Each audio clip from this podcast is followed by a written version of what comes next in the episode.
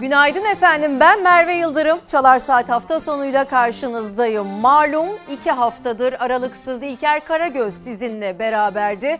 İsmail Küçükkaya Covid atlatma sürecinde olduğu için e, çalışmaktan İlker de yorgun düşünce görevini bu haftalık ben aldım.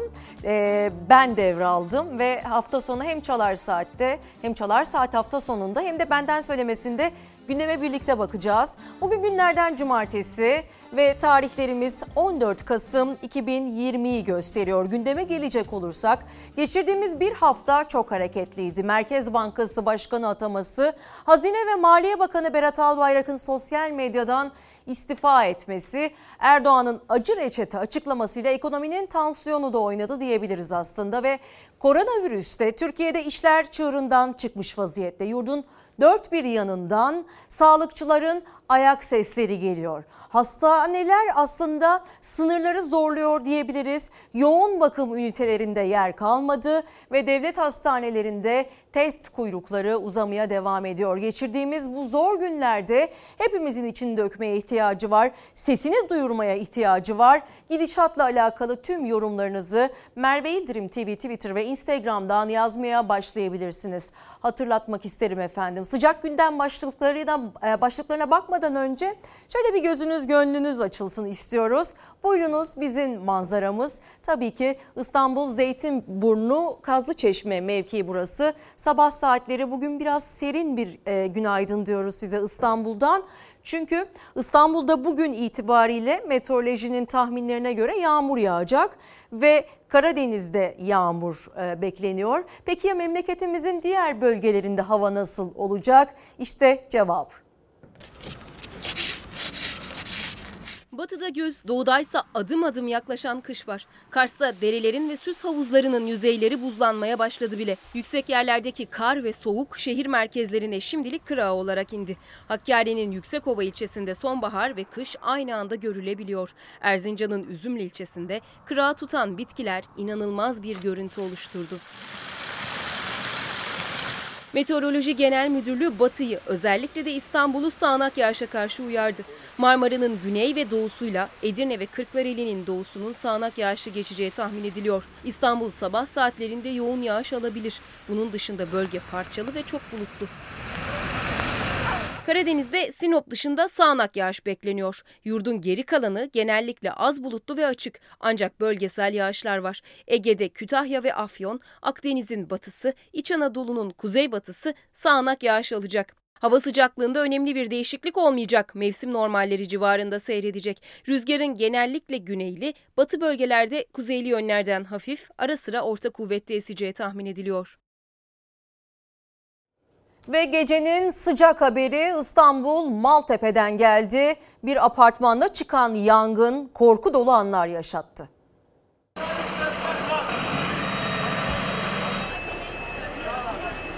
yarım saatte bir 20 patlama düşünün elektrik trafosundan. Gece yarısı etrafı saran duman ve trafodan gelen patlamalar apartman sakinlerine korku dolu anlar yaşattı. Çıkabilen dışarı çıktı. Çıkamayanlar için hem mahalleli hem de itfaiye seferber oldu.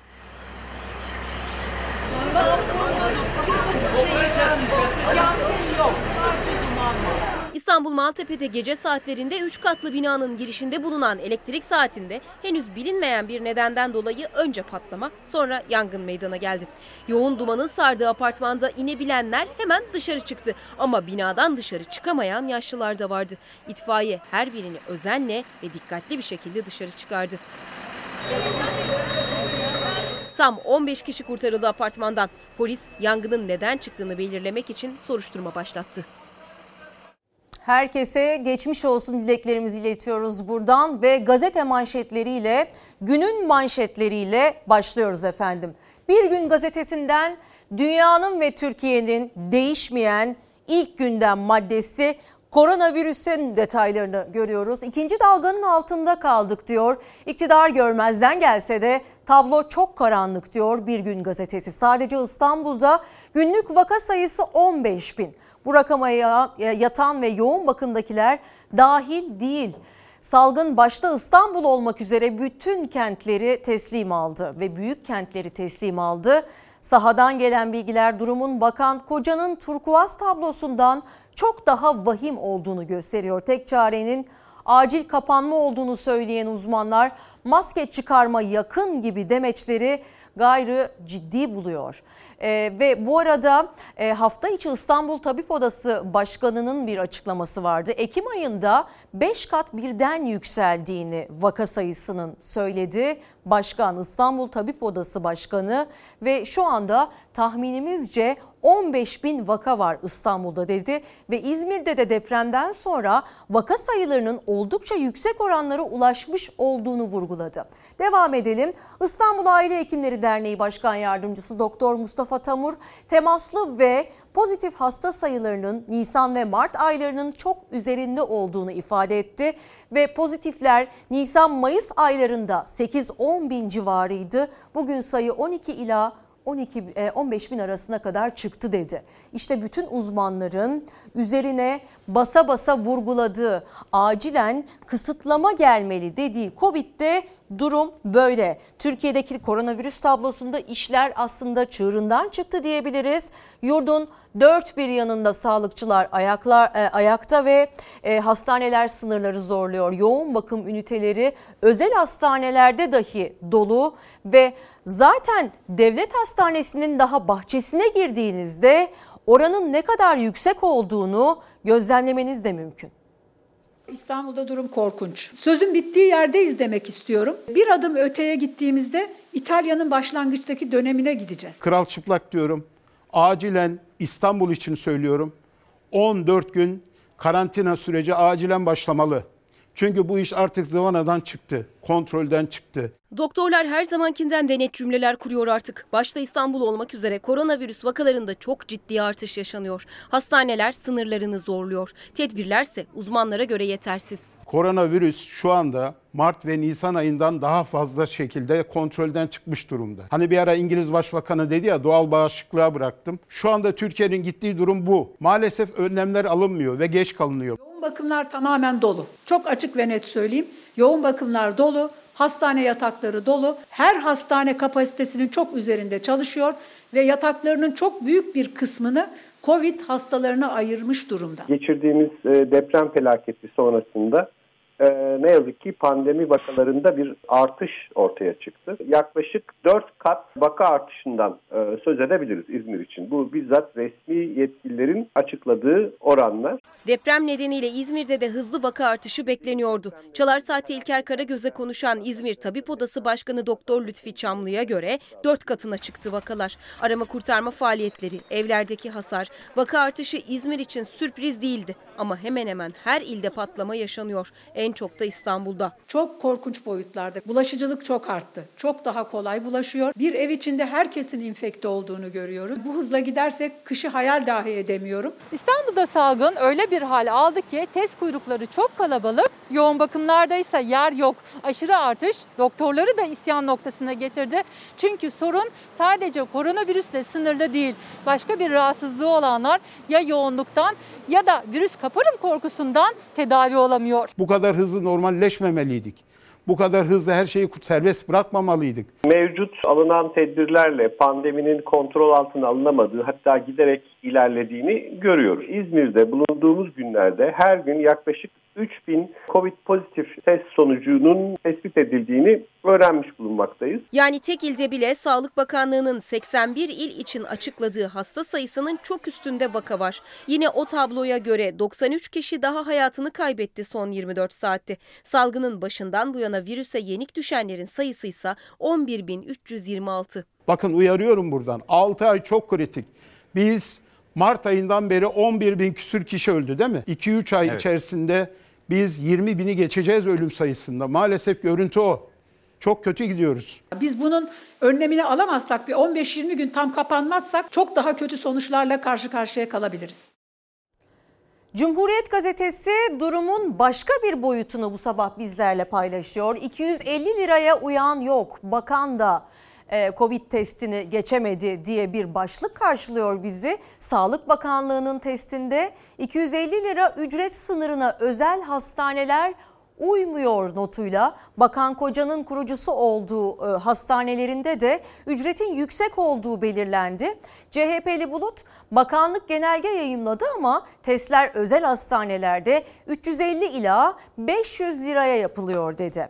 Test sıkıntısı var şu an e, itibariyle. E, özellikle devlet hastanesinde belirti hissettiğini, e, kendisinde belirti hissettiğini düşünen vatandaşlar test yapmak için gittiklerinde test kuyruklarında beklemek ve virüsün yayılımını da aslında hızlandırmak durumunda kalıyorlar ve çoğunun da aldığı cevap eğer belirti yoksa size test yapamayız ve yeni bir genelge de yayınlandı. O genelgeye göre eğer temaslıysanız test yaptırma hakkına sahip değilsiniz. İşte koronavirüs testlerindeki son durum. Test yaptıracak olan vatandaşların kuyruğu bu. Ne için geldiniz? Test yaptırmak için. Yaptırabildiniz mi? Yaptıramadık. Neden? Pandemi hastanesine gönderdiler. Sebebini biliyor musunuz? Çok ağırlara yapıyorlarmış burada. özel hastaneye gideceğiz yaptırmaya. Kaç hastane dolaştınız? 4 olması lazım. Arayıp sorduklarımız hariç yani gidip şahsen kendimiz gittiğimiz dördüncü yer burası. 6 tane olması lazım.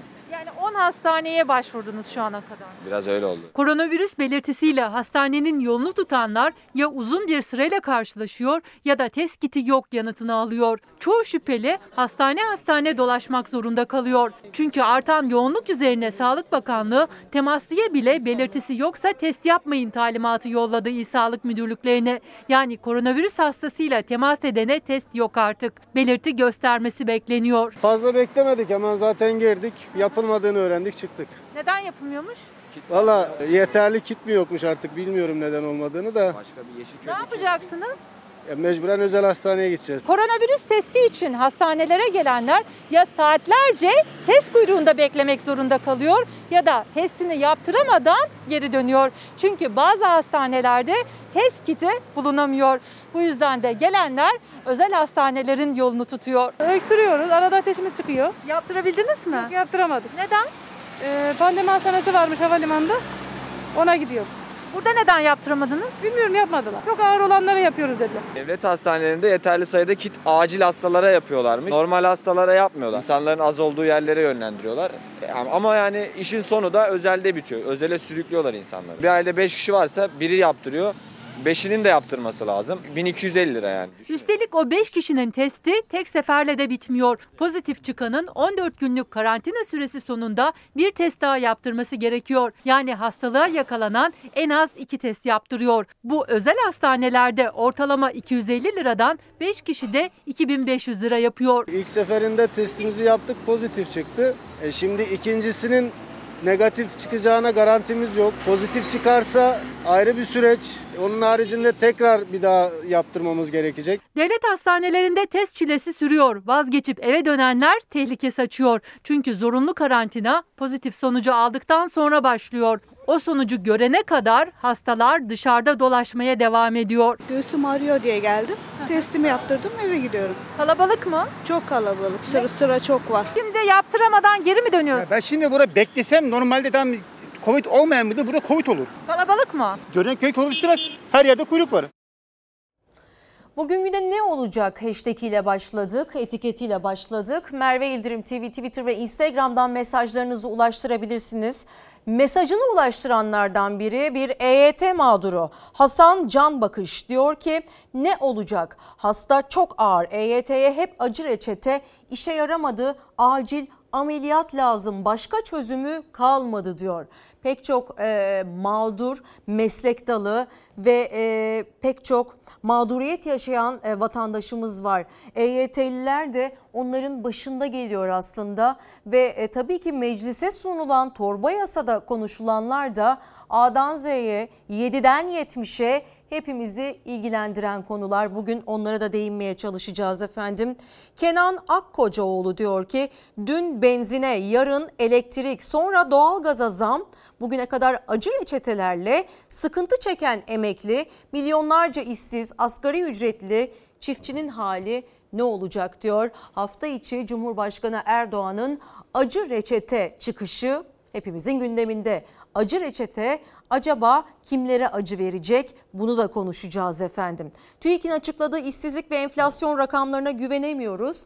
Ne olacak TÜİK ve e, TÜİK ne zaman rakamlar konusunda adil davranacak diyen Sinan Sözmen var. Yine gündeme dair mesajlarınızı bekliyoruz efendim. Koronavirüste devam edelim. İşin en endişe verici boyutlarından biri de tedavisi devam eden hastaların tedavilerini ötelemek durumunda kalması.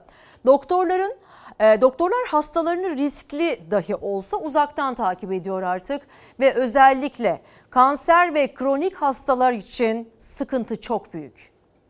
Hep yukarıda çenemiz. Covid'den kaçınalım diye bu hastalarımızın tedavi almaktan vazgeçmesini istemiyoruz. Gitmediniz mi doktor kontrollerine salgında? Yok. Neden? Korkudan hastanelerden. Peki doktorlar ne diyor bu duruma? Valla doktorlar gelin diyor da işte. Ne zaman gideceksiniz kontrole? Hastalık bitince. Erken teşhisin önemli olduğu kanser başta olmak üzere takibi önemli birçok hastalık koronavirüs nedeniyle ihmal ediliyor. Doktorlar uyardı. Virüsten kaçarken başka hastalıklara yakalanmayın. Çünkü hastalıklar ilerleyebilir. Evde tedavi mümkünken hastaneye yatış gerekebilir. Ancak giderek artan vakaların bir başka acı tablosu da özel hastanelerde bile artık yer bulmak zor. Covid'e karşı mücadele veren doktorlardan göğüs hastalıkları uzmanı Profesör Doktor Bülent Tutluoğlu açıkladı. İstanbul'da durum çok sıkıntılı. Covid'li hastalar hastane hastane dolaşıp yer arıyorlar. Özel hastanelerde bile yatış sıraları olmaya başladı. Solunum yetmezliğinde doktor bir arkadaşımıza 24 saattir yatak ayarlanamadı. Ben bunu yaşadım. Bir e, yakın bir arkadaşım ameliyat olacaktı guatr. İki gün hastanede yattı ve geri gönderdiler. Covid'den dolayı geri gönderdi. Bu ne olacak? İleride başka sorunlara yol açacak. Çünkü bu erteleniyor. Sağlık ertelenir mi sizce? Değil mi? Her şey şu anda dünyada her şey Covid'e kilitlendi. Zorunlu olmayan ameliyatlar erteleniyor, doktorlar hastalarını uzaktan takip ediyor. Özellikle kronik hastalar ve kanserle mücadele edenler hastaneye gitmeye mesafeli. Biz hastamızı bir sonraki tedaviniz bir hafta, iki hafta, üç hafta sonra derken ancak o düzenler içinde verilecek olursa bu tedavilerin başarılı olacağını biliyoruz. Hastaların kendi başlarına karar vererek bu tedavilerini ötelemeleri sağlıklı olmaz. Muhakkak ki olacak ama şu anda yani daha ihtiyacı olanlar, daha acil olanlar var. Yani biz onları ötelememek adına yapıyoruz bunu. Bir şekilde ilaçtan kontrol altına alıyoruz. Bugün aldım randevu haftaya perşembeye gideceğim. Endişeli oldukları için başka hastalıkların belirtilerini görmezden gelenler, rutin kontrollerine gitmeyenler var. Türk Tıbbi Onkoloji Derneği de hastanelerin koronavirüs bölümlerinin ayrı olduğunu, geri kalan bölümlerde risk bulunmadığını hatırlattı. Onkoloji servislerinin girişleriyle COVID hastaları şüphesi olanların testlerin yapıldığı yerlerin girişleri birbirinden ayrı tutulmaya çalışıldı.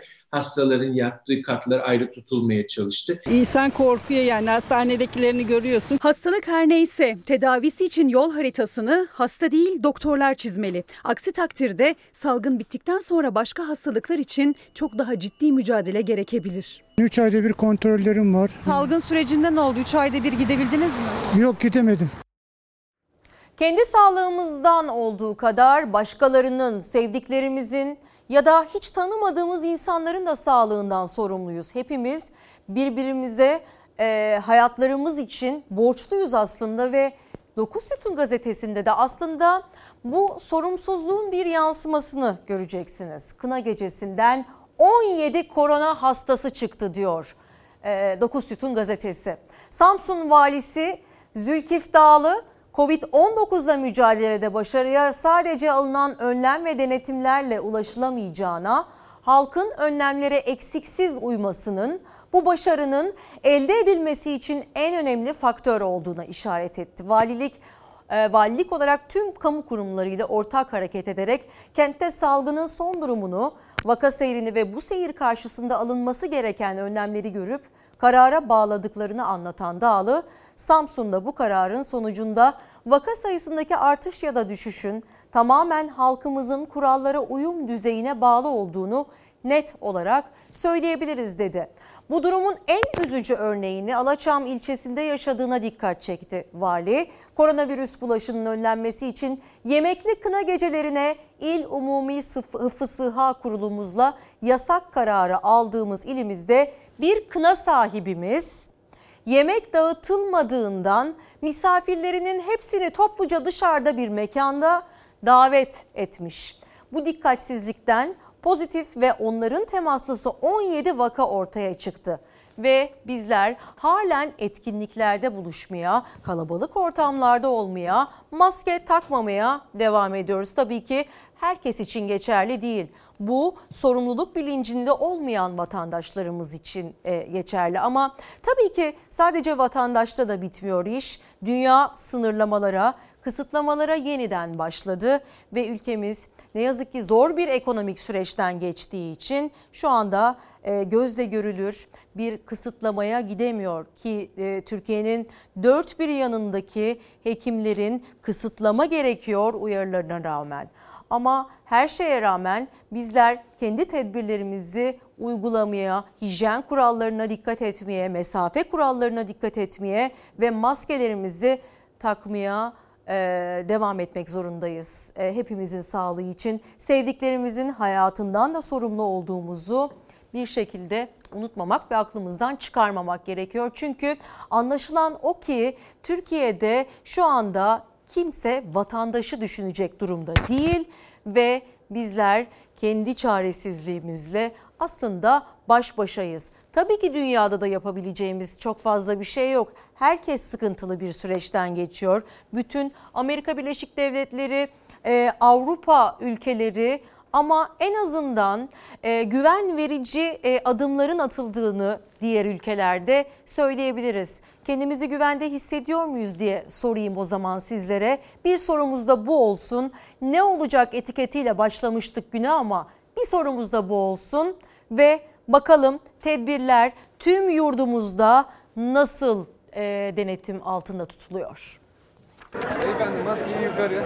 Bir şekilde yeme içme, sigara yasak. Maskeyi indirmiyoruz. Dur, çekin. Maskeyi kaldırın tam. Maskeyi tam kaldırın. Tamam, şimdi uyarı yapacağız. Ekipler sokak sokak, cadde cadde denetimde. Artan rakamlara, alınması zorunlu tedbirlere rağmen ya hiç alınmıyor ya da eksik alınıyor önlemler. Hem kendisinin hem de başkasının hayatını riske atanlara ceza kesiliyor.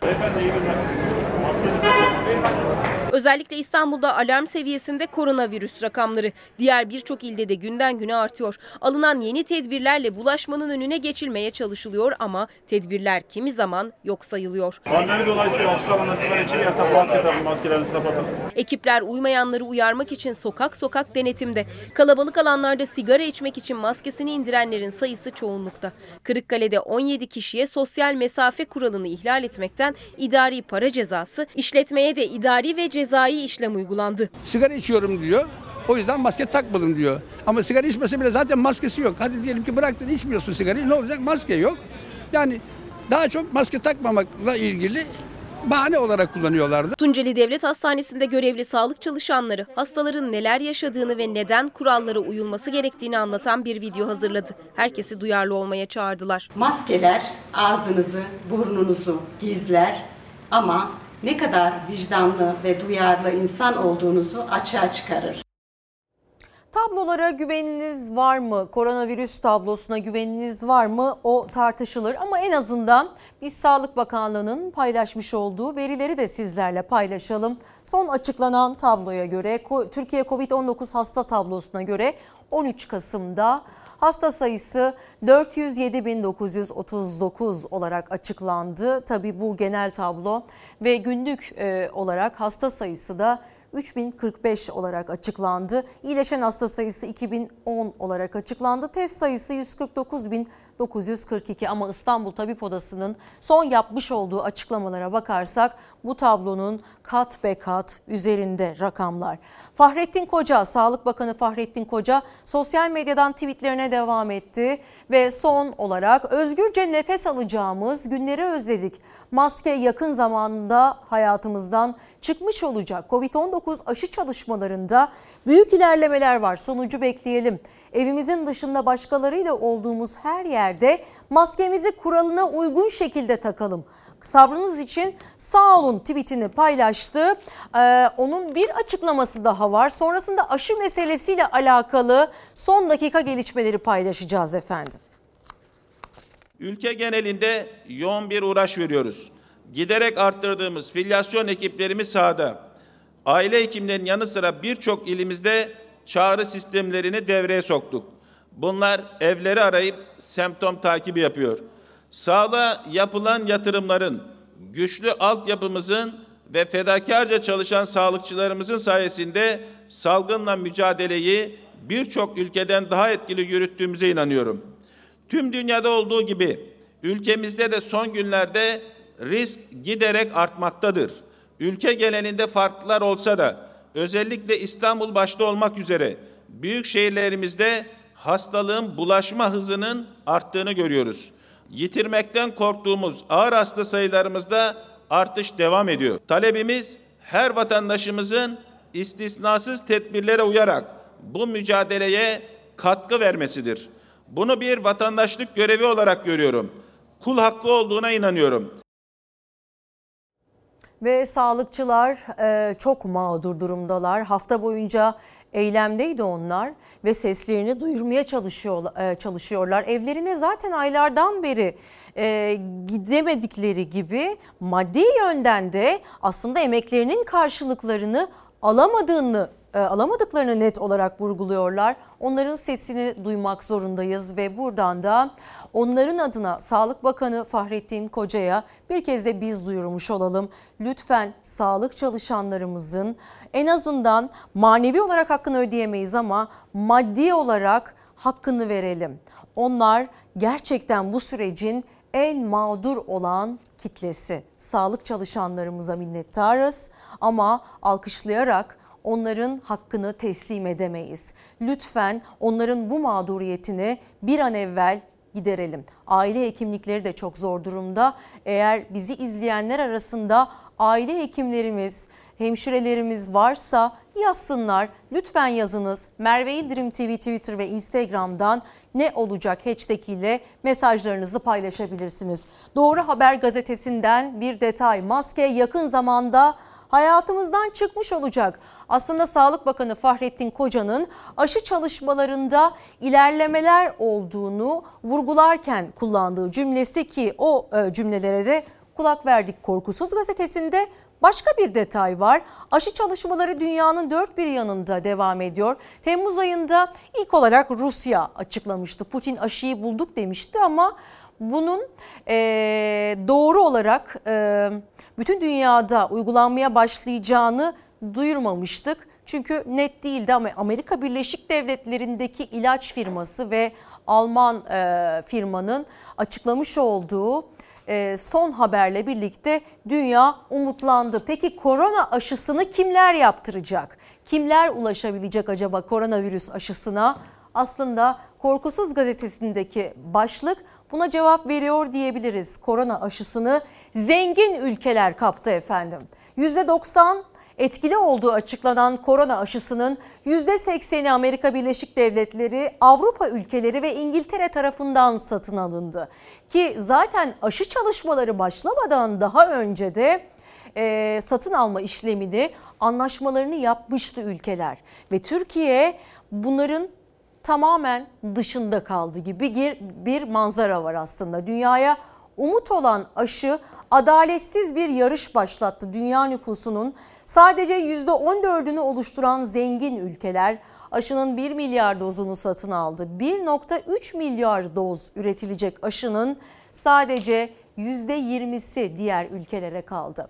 Ve bir yandan da aslında e, durumun dün Sözcü gazetesinin manşeti çok çarpıcıydı. E, çarpıcıydı. Covid-19 hastalarının Türkiye'ye getirilmesi, sağlık turizmi adı altında e, sağlığın, sağlığın aslında hiçe sayılması. Çünkü ülkeler e, sınırlarını kapattılar Covid-19'dan e, kendi vatandaşlarını e, koruyabilmek adına. Ama şu anda sağlık turizmi adı altında yabancı ülkelerden hastaları ülkemize getirdiğimize tanık olduk ki bu aslında e, büyük bir skandal olarak da değerlendirilebilir.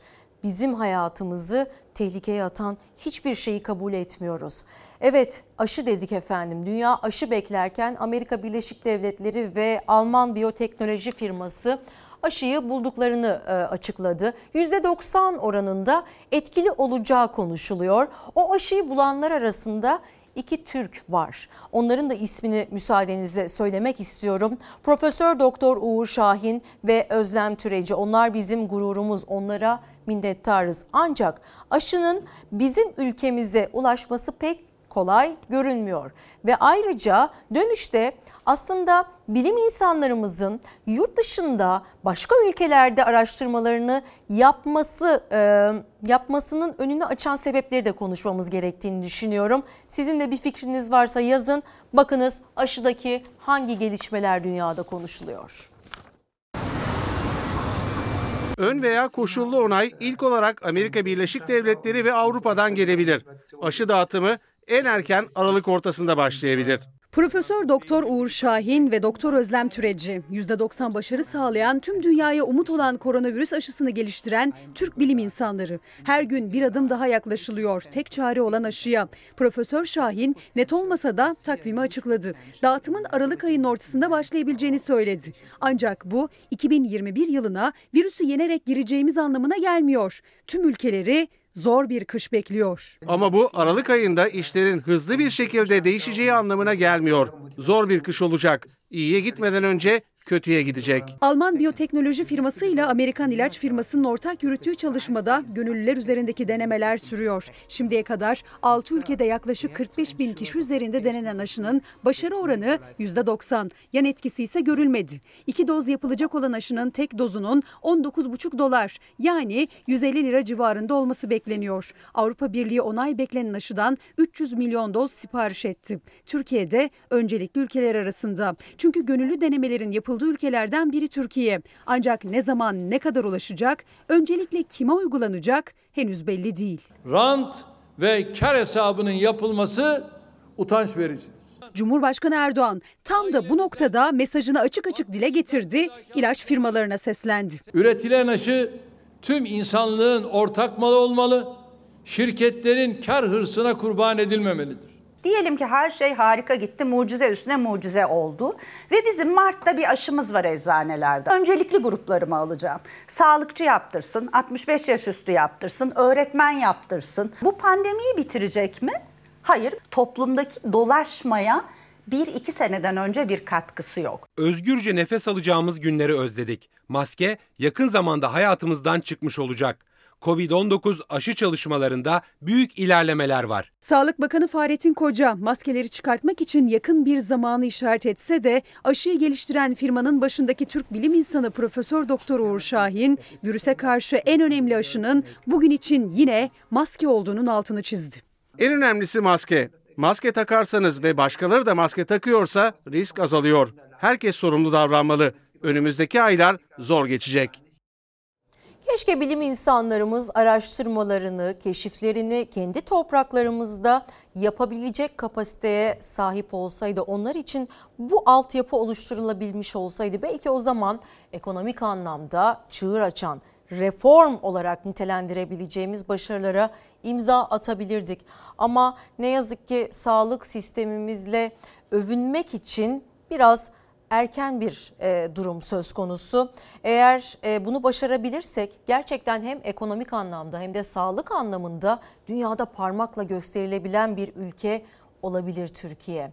Ama e, bizim beyinlerimiz yurt dışında mesleklerini icra ediyorlar ve e, yeterli e, e, altyapı sağlanmadığı için onlara ve ellerindeki imkansızlıklarla aslında bu toprakları terk etmek durumunda kalıyorlar.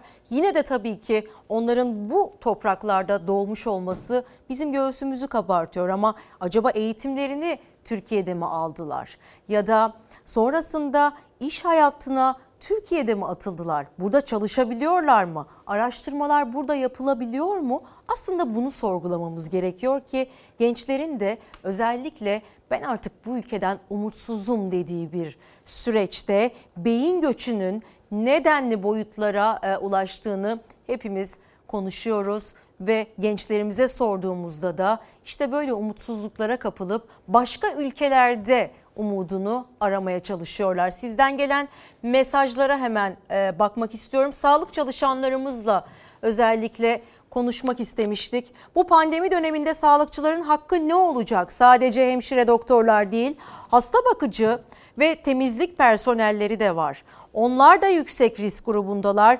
Ne olacak? Neden sağlık çalışanı grubunda değiller diyor Gülsem Hanım ve çok haklı bir konuya parmak basıyor. Ve e, Rabia Hanım bizim mağduriyetimiz bitmez. Tuttuğumuz nöbetler, alamadığımız ödemeler, uzak kaldığımız sarılmaya öpmeye yaklaşamadığımız, korktuğumuz evlatlarımız, ailemiz ancak bunlar olur bize layık görülen. Ne olacak hashtag ile isyanını dile getiren izleyicilerimizden biri. Ne olacak diyor özel hastanelerde Covid testi niçin paralı yapılıyor? Bunlar test kiti mi üretiyor? Böylesine bir pandemide bile para kazanılmaya çalışılıyor.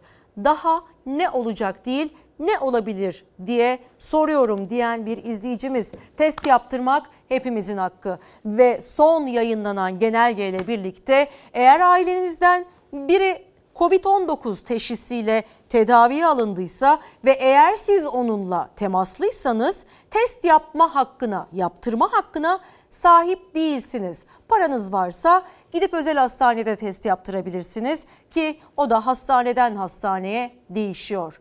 Devlet hastanelerinde durum böyle efendim. Tabii ki bizimle birlikte bütün dünya salgınla mücadelede ve dünyada ikinci dalga aslında bir kabusa dönüştü. İtalya'da, Fransa'da, İngiltere'de, Amerika Birleşik Devletleri'nde kısıtlamalar yeniden başladı ve Türkiye'de bu manzaraların yaşanması da an meselesi.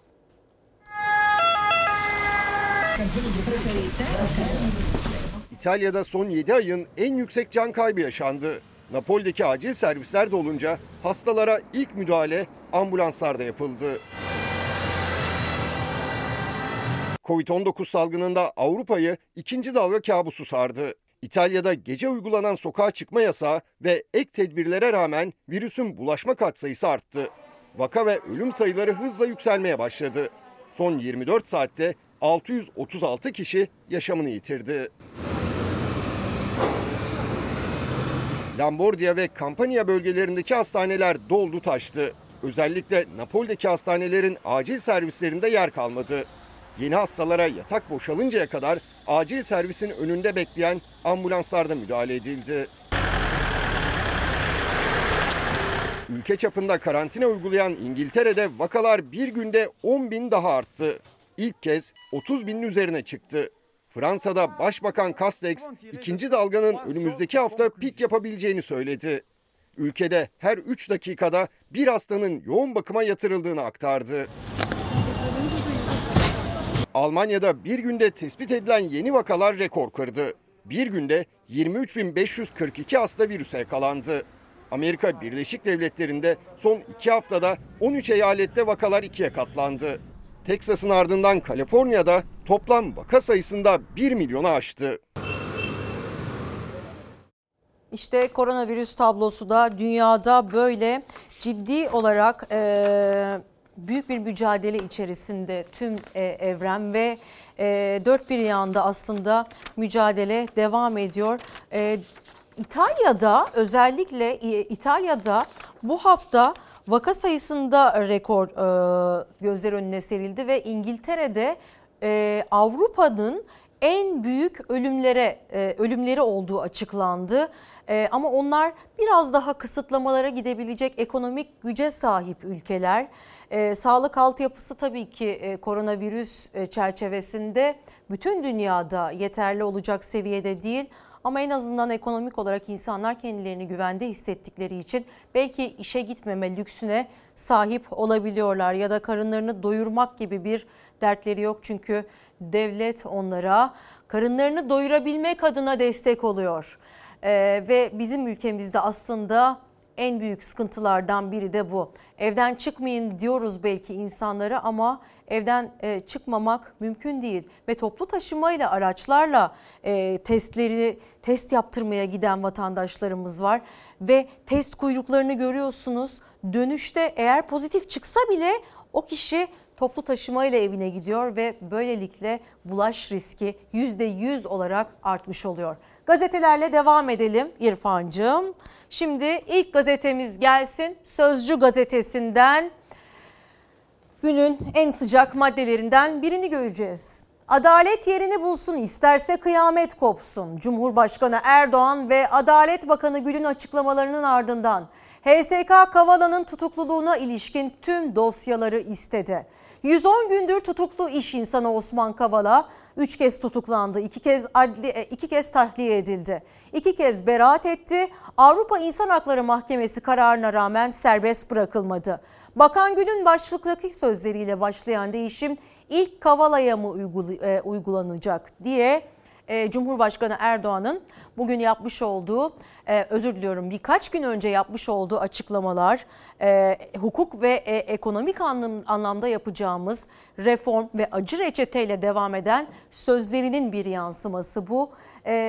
Cumhurbaşkanı Erdoğan'ın ekonomi ve hukukta yeni bir reform dönemi başlatıyoruz demesiyle birlikte aslında gündeme geldi. Adalet Bakanı Gül Aslolan tutuksuz yargılamadır. Adalet yerini bulsun isterse kıyamet kopsun diye konuştu. Bu Osman Kavala ve Enis Berberoğlu gibi isimlerle ilgili yargı sürecine eleştiri olarak algılandı. E, sosyal medyada da oldukça sert eleştiriler vardı kamuoyu tarafından. Hakimler ve Savcılar Yüksek Kurulu'ysa dün acele notuyla İstanbul Adalet Komisyonu Başkanlığı'na yazı gönderdiler. 1110 gündür tutuklu olan ve Avrupa İnsan Hakları Mahkemesi'nin hak ihlali kararına rağmen tahliye edilmeyen Kavala'nın tutukluluğuna ilişkin tüm dosyaları istedi. Bakalım bu süreç nasıl sonuçlanacak? Adalet, hukuk uzun zamandır hepimizin ihtiyacı ve Türkiye'de bunun halen sağlanamamış olduğunu Cumhurbaşkanı Erdoğan tarafından böyle yorumlayabiliriz aslında son açıklamalara baktığımızda. Evet ekonomide ve hukukta yeni bir reform başlatıyoruz sözleri Cumhurbaşkanı Erdoğan'ın her cephede yankı buldu.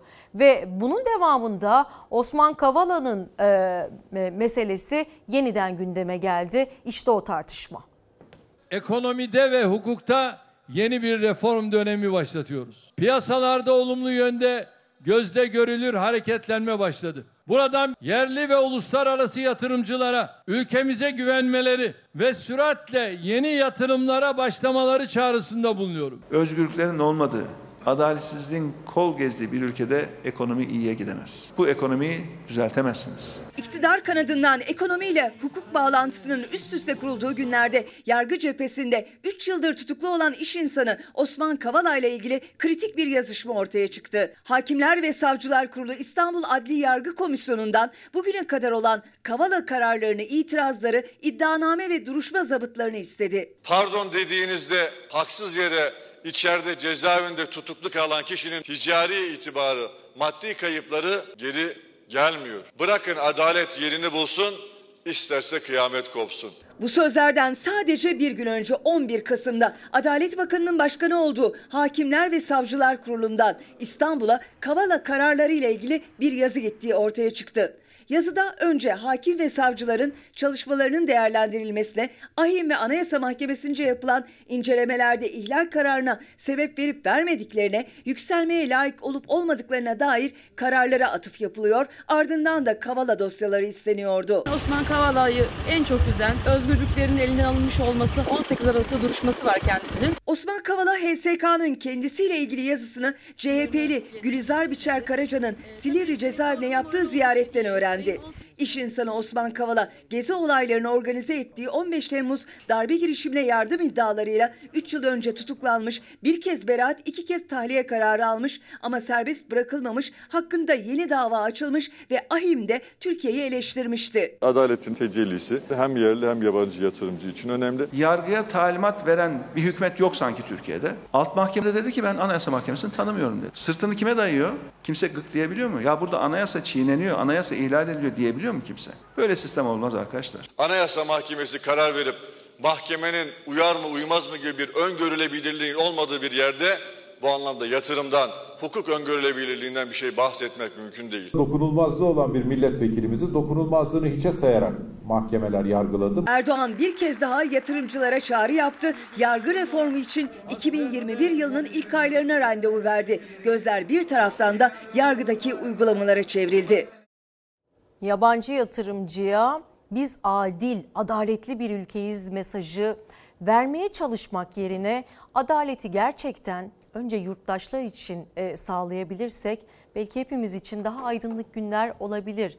Fikrini söyleyeni, gazetecileri e, hapse tıkmak yerine insanların özgürce konuşabilmesi gereken, e, konuşabildiği topraklarda yaşamak istiyoruz bizler. Aslında adaleti tartışırken, hukuku tartışırken şapkayı önümüze koyup bunu konuşmamız gerekiyor.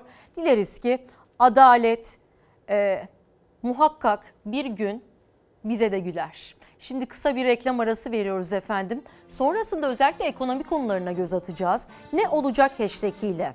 E, malum acı reçete gündemimizde ve acı reçetenin içinden acaba nasıl bir acılık çıkacak? Hangi noktalarda acı verecek bize? Bunu merak ediyor Türkiye. Eğer fikriniz varsa, bir yorumunuz, bir tahmininiz varsa yazabilirsiniz. Yorumlarınızı bekliyoruz. Merve İldirim TV Twitter ve Instagram'dan ne olacak hashtag ile bize ulaştırabilirsiniz mesajlarınızı. Reklam dönüşü buradayız. Çaylar ve kahveler lütfen hazırlansın. Saat 9.32 oldu efendim. Bugün günlerden cumartesi ve tarih 14 Kasım 2020 güne ne olacak etiketiyle başladık. Pek çok mesaj geldi. Birazdan okuyacağız. En son e, Cumhurbaşkanı Erdoğan'ın son yapmış olduğu adalet ve ekonomide yapacağı e, reform adına yapmış olduğu açıklamaya yer vermiştik. Şimdi gazetelerden yine adalete istinaden birkaç haber paylaşmak istiyoruz. Cumhuriyet gazetesinde hukuku hatırladılar diye bir başlık görüyoruz. Ülkede adaleti bitiren iktidar ekonomik çöküntüye karşı manevra arayışında diyor. Alışılmadık sözler. Cumhurbaşkanı Erdoğan ekonomide ve hukukta yeni dönem açıklamalarıyla piyasalarda olumlu hareketler, hareketlenmeler başladığını belirterek insan haklarına ehemmiyet veriyoruz. Temel haklardan mülkiyet hakkına kadar pek çok hükmü eylem planına ekleyeceğiz dedi.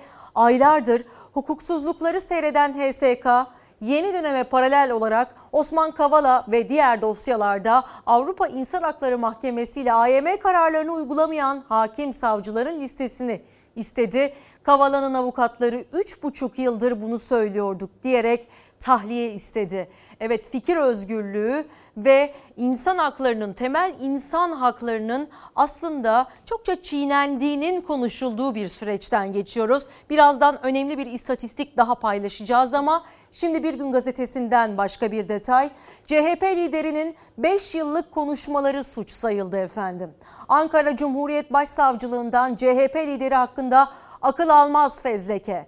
Savcılık Kılıçdaroğlu'nun son 5 yıllık konuşmalarında hükümete yönelik eleştirilerini suç saydı. İşte adaleti tartışırken fikir özgürlüğünü ve ifade özgürlüğünü de bir kez daha gözden geçirirken bir genel başkanın CHP lideri Kemal Kılıçdaroğlu'nun parti genel başkanının e, muhalefete yönelik eleştirileri de suç sayılabiliyor. Aslında adalet arayışına, adalet sağlama meselesine en başta kendi içimizde bakmalıyız diye düşünenlerdenim. MHP'lilerin CHP lideri Kemal Kılıçdaroğlu'nun dokunulmazlığının kaldırılmasını talep etmesinden yaklaşık 9 ay sonra savcılık harekete geçti. Kılıçdaroğlu'nun suçu ve suçluyu övdüğü, suçluyu kayırdığı, delilleri bildirmediği devleti aşağıladığı öne sürülerek yargılanması istendi. Ankara Cumhuriyet Başsavcılığı'nın meclise gönderdiği dokunulmazlık fezlekesi akıllara durgunluk verdi. Kılıçdaroğlu'nun 2014'ten 2019'a kadar yaptığı çok sayıda konuşma suç sayıldı. O cümlelerden bazıları şöyle sıralandı. Türkiye'nin durumu pek parlak değil, liyakat sona erdi. AK Parti'de baylok kullanan vekiller var. İşte bu gibi cümleler suç olarak sayıldı ve Ankara Cumhuriyet Başsavcılığından CHP lideri Kemal Kılıçdaroğlu'na yönelik e, eleştiriler suç sayıldı efendim. Biz özgürlük arayışındayız ve aslında bu hafta e, sosyal medyadan e, bakan istifa etti ve özgürlükten, ifade özgürlüğünden bahsederken yasaklarla karşı karşıya kalmamız ve bize bazı istatistiklerin de sunulması çok dikkat çekici. O istatistiklerden birini paylaşalım. Türkiye'de daha internet özgürlüğünün durumunu bile tartışırken 2019 sonu itibariyle 408.494 web sitesi erişime engelliymiş. 16.358 haber adresi engellendi. Twitter'a dünya genelinde gönderilen 7396 mahkeme kararının %74'ü tek başına Türkiye'den ve Türkiye interneti yasaklı ülkeler kategorisinde bir numarada. İşte bizler fikir özgürlüğünü, düşünce özgürlüğünü savunurken, adaleti konuşurken en başta fikir özgürlüğüne dikkat çekmek zorundayız. Avukat Görkem Gökçe'ye bu verisi için teşekkür ediyoruz diyerek ekonomi başlıklarına Göz atmaya başlayalım efendim. Ekonomi geçtiğimiz hafta pazar günü Hazine ve Maliye Bakanı Berat Albayrak'ın sosyal medyadan istifa ettim açıklamasıyla hareketli e, devam etti ve ekonomi gündemimiz siyasi tarihte hiç görülmemiş bir manzaraya dönüştü. Ekonomi açıklamalarının devamı ise en üst mertebeden geldi. Cumhurbaşkanı Erdoğan e, ekonomi dönemine geçiyoruz, yeni ekonomi dönemine geçiyoruz dedi ve acı reçete uygulayacağız diyerek devam etti sözlerine. Kimin ağzını yanacağı meçhul. Erdoğan'ın açıklamasının ardından en sert tepkilerden biri de eski kurmayı şimdi siyasi rakibi olan Ali Babacan'dan geldi. Şimdi bu detaylara bakıyoruz. Sonrasında gazeteler acaba bu haberi nasıl gördü diye inceliyoruz efendim. Öyle bir dönemden geçiyoruz ki AK Parti'nin kaderiyle ülkenin kaderi adeta birbiriyle bütünleşmiştir. AK Parti kaybederse siyasi ve mali boyunduruk çukuruna yuvarlanacağı, Türkiye kaybederse de AK Parti'nin yerle yeksan olacağı gerçeğiyle karşı karşıyayız. Şahtı, şahbaz oldu derler ya. Fiili kötü yönetim yetmiyormuş gibi bir de bu kötü yönetim adeta kurumsallaştırılmış oldu. Kendiniz kriz çıkarıp ardından millete acı reçeteye razı ol diyemezsiniz. Biz bu acı reçete işlerini biliyoruz. Sakın ola ki o acı reçeteyi millete içirmeye kalkmayın. Milletin ne bu acı reçetedeki ilaçlar alacak parası kalmıştır. Siz onu gidin saraya içirtin. Erdoğan ekonomide yeni dönem sözlerini tekrarladı ama iki gün önce söylediği acı da olsa reçete uygulanacak cümlelerini bir daha kurmadı. Muhalefet ise sakın yapma uyarılarıyla o sözlerin peşini bırakmıyor. Gerekiyorsa devlet ve millet olarak fedakarlık yapmaktan acı da olsa doğru reçeteleri uygulamaktan kaçınmayacağız. Kendi hayat tarzlarıyla, yaşantılarıyla ilgili bir acı reçete olacak mı onu göreceğiz bakalım. Bir sonraki seçime kadar ülkeyi fakirleştirmeye devam edecek. Geçtiğimiz 18 yılda ülkemize demokraside ve kalkınmada adeta çağ atlattık. Asgari ücret adeta sefalet ücretine dönmüş durumda. Devlet diyor ki hava çok güzel merak etmeyin. İstihdamı artırarak vatandaşlarımızın iş ve aş endişelerini ortadan kaldırmakta temel önceliklerimiz arasındadır. Bu hükümetin tek bildiği kaybet kaybet. Çıkıp bu millete bir hesap vermeleri lazım. Erdoğan'ın ekonomideki eski yardımcısı bakanı şimdi ise siyasi rakibi Deva Partisi Genel Başkanı Ali Babacan Kırıkkale Kongresi'nde konuştu. Berat Albayrak sayfasını açtı. Erdoğan ise Tekirdağ Kongresi'nde AK Parti ile Türkiye'nin kaderini birleştirdi. Partisine de uyarılar yaptı. Sanılmasın ki milletimizin bize verdiği kredi sonsuzdur. Kerameti kendimizde görüp milletten yüz çevirdiğimiz ülkeyi yönetme ve büyütme vazifemizi bir kenara bırakıp kendi hesaplarımızın peşine düştüğümüz gün artık bu partinin misyonu bitmiş demek. Devletin borcunu iki yılda ikiye katlayan bir bakan vardı. Devir teslime gelmiyor ya. Bu milletin gözünün içine bakacak yüzleri yok. Kime güvenip de gelmiyor devir teslime ya? Hala arkam sağlam diyor. Bu millet sizin akraba kayırmacılığınızın bedelini ödemek zorunda değil. Erdoğan'la eski kurmayı Ali Babacan arasındaki düello her geçen gün sertleşiyor. Vatandaşın gözü kulağı ise acı reçetenin ne olacağında. Acı reçeteye dair pek çok yorum görüyoruz. Gerek vatandaşlardan, gerek vergi uzmanlarından, gerek hukukçulardan, gazetecilerden, EYT'lilerden ya da kıdem tazminatına göz dikilen çalışanlardan, emekçilerden. Ama bir yansımasını Yeni Asya gazetesinden takip edeceğiz. Acı reçete yine millete diyor Cumhurbaşkanı Erdoğan'ın Acı da olsa doğru reçeteleri uygulayacağız sözünü Profesör Yalçın Karatepe böyle yorumladı. Yalçın Karatepe yerli ve milli bir acı reçeteyle karşı karşıyayız. Acı reçetenin anlamı şu. Aslında insanların büyük çoğunluğu yoksullaşacak. Daha zor koşullara, hayatlarına devam etmek zorunda kalacaklar. Halkın daha yoksullaşacağı bir dönemin başlangıcındayız. Ekonomi yönetimindeki değişiklikleri değerlendirdi Yalçın Karatepe ve yönetim modeli değişmeden Türkiye ekonomisinin sürdürülebilir bir büyüme yoluna gireceğini düşünmüyorum dedi. İnişler çıkışlar olur ama kalıcı bir ekonomik büyüme olmaz diye konuştu. Ve diğer gazetelerin de yansımalarına bakalım. Hangi gazete geliyordu? Yeni Yaşam gazetesinden tatlılar kendilerine acı reçete halka manşetini görüyoruz. Önceki yıllarda IMF'nin acı reçetelerinden kurtulduk diyen Erdoğan, yeniden gerekirse acı reçete uygularız söylemine döndü. Bu halk için daha zorlu bir dönemin başlangıcı olarak yorumlanıyor. Cumhurbaşkanı Erdoğan çarşamba günü e, AKP Meclis Grup toplantısında yaptı bu açıklamayı ve sözlerine böyle devam etti. Hem ekonomik krizin açık itirafı hem de halk ve emekçi sınıflar için daha zorlu bir sürecin başlayacağının işareti olarak yorumladı bunu ekonomi otoriteleri otoriteleri ve e, geçmiş dönemin acı reçeteleri de hala herkesin hafızalarında diye düşünüyoruz. İlk standby anlaşmasının yapıldığı 1961'den beri sürekli IMF'nin kapısını çalan hükümetlerin önüne konan acı reçeteler kemer sıkma politikalarıyla halka dayatıldı. AKP'de 2005'te IMF ile masaya otururken sonraki yıllarda IMF'ye borçlanmak yerine başka kaynaklar üzerinden borçlandı. 2002'de dış borç stoku e, stoğu 130 milyar lirayken 2019 yıl sonu itibariyle bu rakam 437 milyar dolara ulaştı. Ve dolar kuruyla birlikte Türkiye'nin dış borcunun nedenli yükseldiğini de biliyoruz. Ve Merkez Bankası'ndan bu hafta bir faiz kararı açıklanacak. Birazdan o haberin de detaylarına bakacağız. Acaba önümüzdeki süreçte e, acı reçete olarak önümüze ne sunulacak? Yeniden sizlere sormuş olalım mesajlarınızla. Reform dönemi dedi Cumhurbaşkanı Erdoğan bu tabloya ve ülkemizde ekonomide ve hukukta yeni bir reform başlatıyoruz diye sözlerine devam etti. Önceliğimiz şüphesiz ki enflasyonu süratle tek haneli rakamları ardından orta vadeli programımızdaki seviyelere çekmektir dedi. Hazine ve Maliye Bakanı Berat Albayrak e, istifasının bir gün öncesinde Merkez Bankası Başkanı e, görevden alındı ve yerine Naci Ağbal e, getirildi.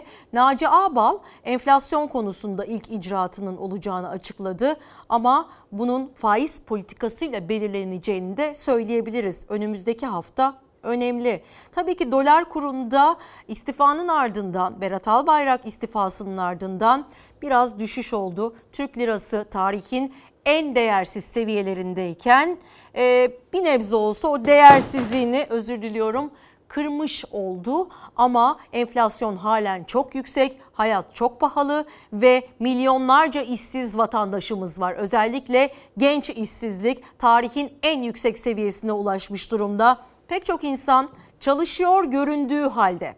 İşten çıkarmalar yasaklandığı için e, çok az paralarla geçinmek zorunda ve işsizlik maaşı e, ödenen kısa çalışma ödeneğinden daha e, yüksek aslında. Yani işsiz kalmak aslında şu dönemde pek çok insan için çok daha cazip görünüyor.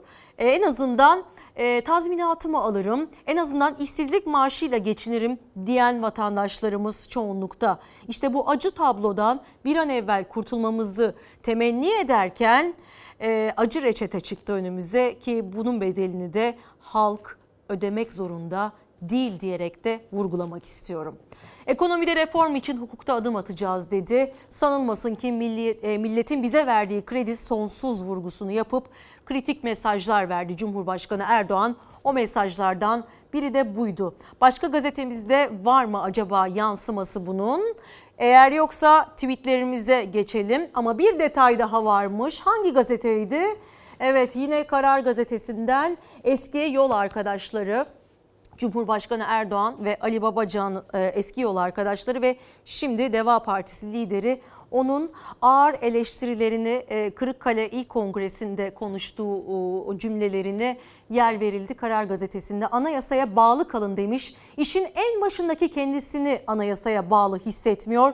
Cumhurbaşkanlığı koltuğunda oturan kişi parti belediye başkanlığı hatta genel müdürlük yapmaktan Cumhurbaşkanlığına vakit bulamıyor.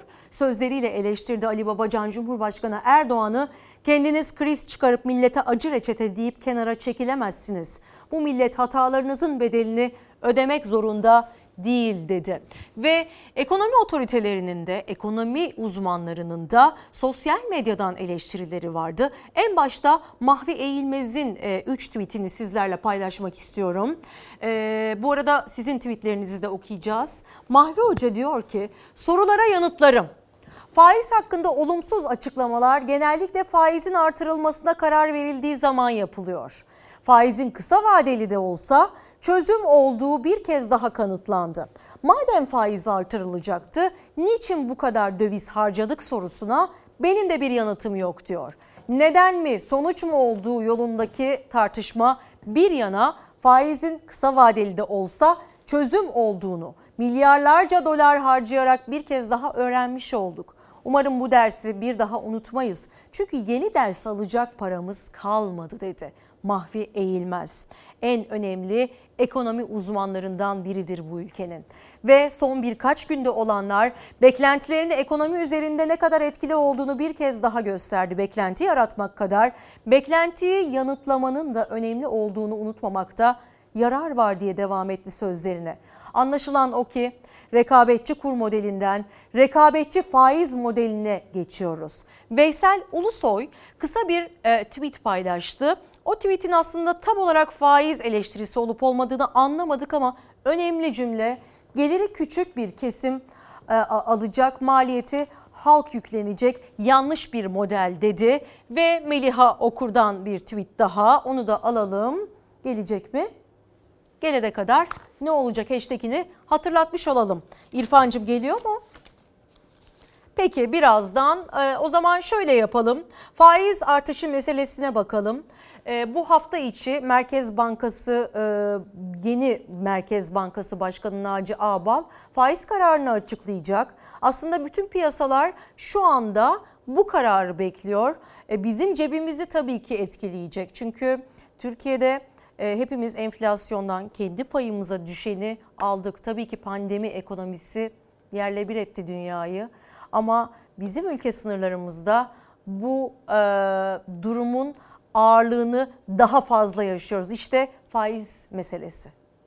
Her eleştiriye faiz dediler. Eleştirenleri de faiz lobisinin adamı diye damgalamaya çalıştılar. Şimdi de kuru dengelemek için faizi artırıyoruz diyorlar. Muhtemelen daha da artıracaklar. Bakanımızın ve Merkez Bankamızın yeni başkanının enflasyon hedeflemisini temel yaklaşımlarımıza uygun şekilde en kısa sürede getireceklerine inanıyorum. Atacakları her adımda kendilerinin yanında olduğumu belirtmek istiyorum. Sayın e, Cumhurbaşkanı bundan önceki bütün iddialarından vazgeçerek piyasaya şu mesajı verdi. Tamam siz benim bileğimi büktünüz, siz bizi dize getirdiniz, biz sizin dediğinizi yapacağız. Ekonomi kurmayları değiştikten sonra Erdoğan verdiği ilk mesajlarda yeni bir sayfa açıldığını söyledi. Gözlerde yeni Merkez Bankası Başkanı'nın gelecek hafta alacağı faiz kararına çevrildi. Merkez Bankası'nın faiz politikası ne olacak?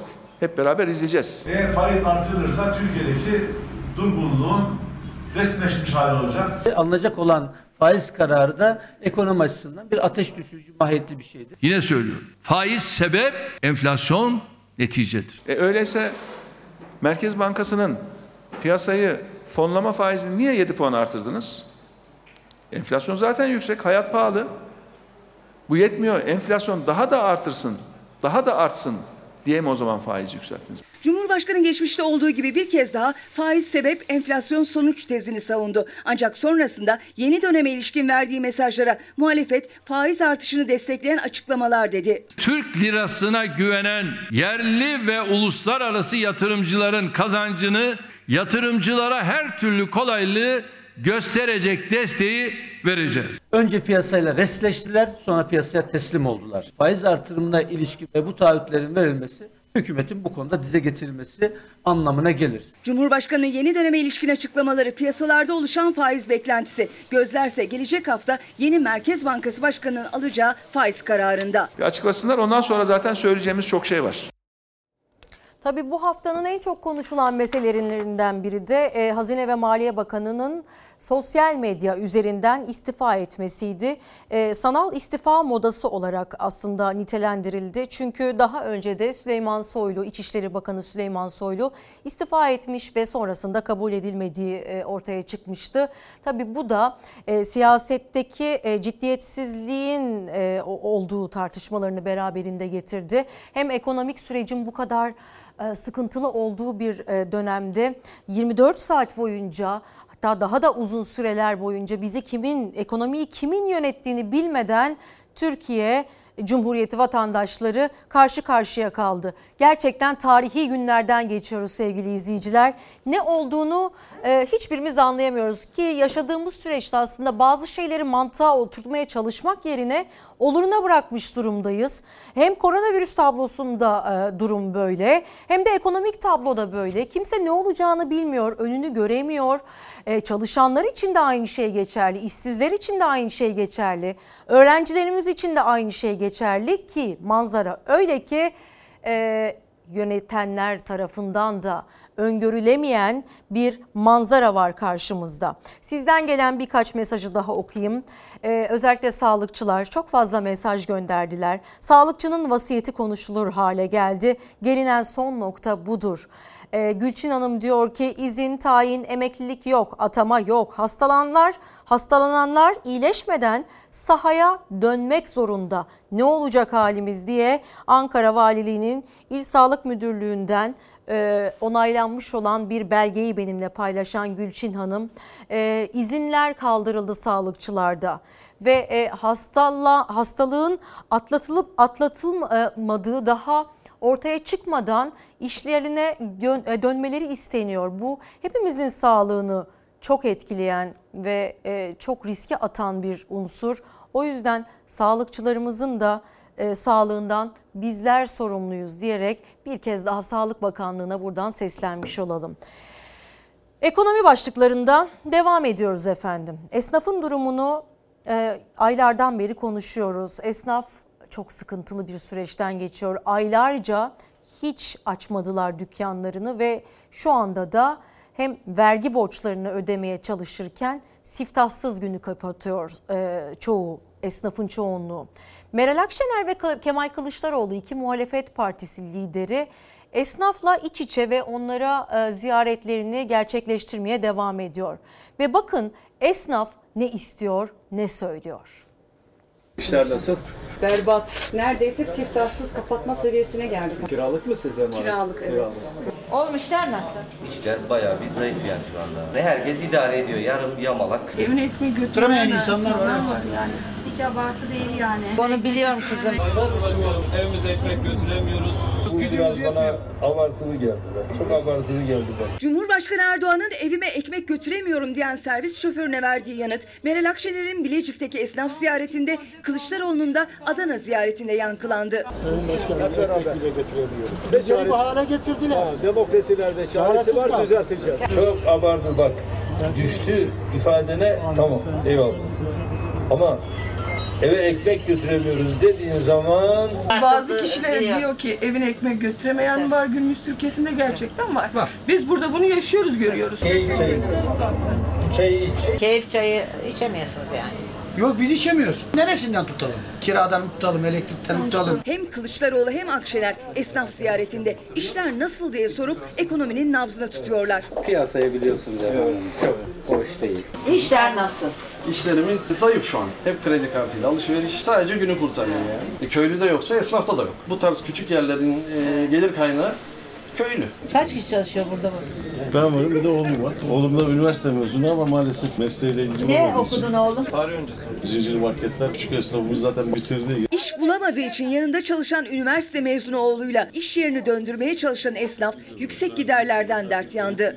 Evde kullanılan elektriğin 3 katını ödüyoruz biz. Parkçı arkadaşıma bir elektrik faturası geldi. 4200 lira. 1200 lirası ulaştırma bedeli. Taksiyle getiriyorlarmış. Böyle bir saçmalık olabilir mi? Esnaf bağ kurunu ödeyemiyor. Yanında çalışıyorsa sigortasını ödeyemiyor.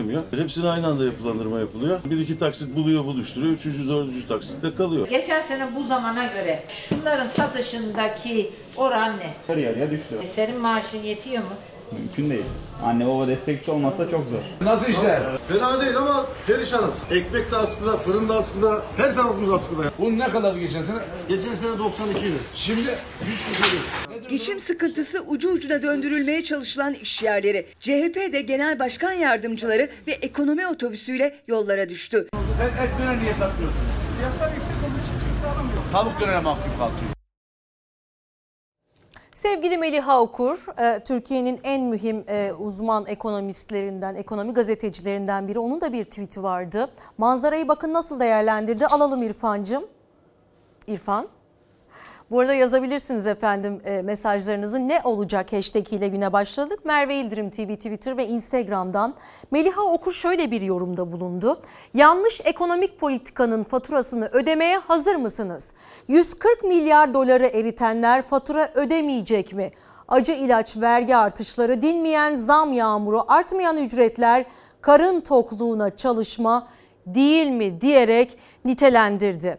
Ve birkaç tane daha e, gazete detayıyla devam edelim. Örneğin enflasyon yükseldi detayını göreceğiz. Milli Gazete'de. Milli Gazete'den o gelirken sizden de birkaç mesaj paylaşmak istiyorum. EYT'li dostlarımız, EYT'li vatandaşlarımız, emeklilikte yaşa takılanlar halen direnişlerine devam ediyorlar ve sendikalar ayakta. E, çünkü torba yasada kanun teklifi olarak meclise sunulan mesele için ayakta onlar E, ve hükümete yakınlığıyla bilinen hak iş dahi bu bizim kırmızı çizgimiz şiddetle buna karşıyız diyerek kıdem tazminatına göz dikilmesinin önünü kapatmaya çalışıyor. Milyonlarca çalışanı hepimizi ilgilendiren aslında çalışanın tek e, ümidi diyebileceğimiz kıdem tazminatlarının kaldırılması söz konusu. Bu konuda acaba ne düşünüyorsunuz yazabilirsiniz.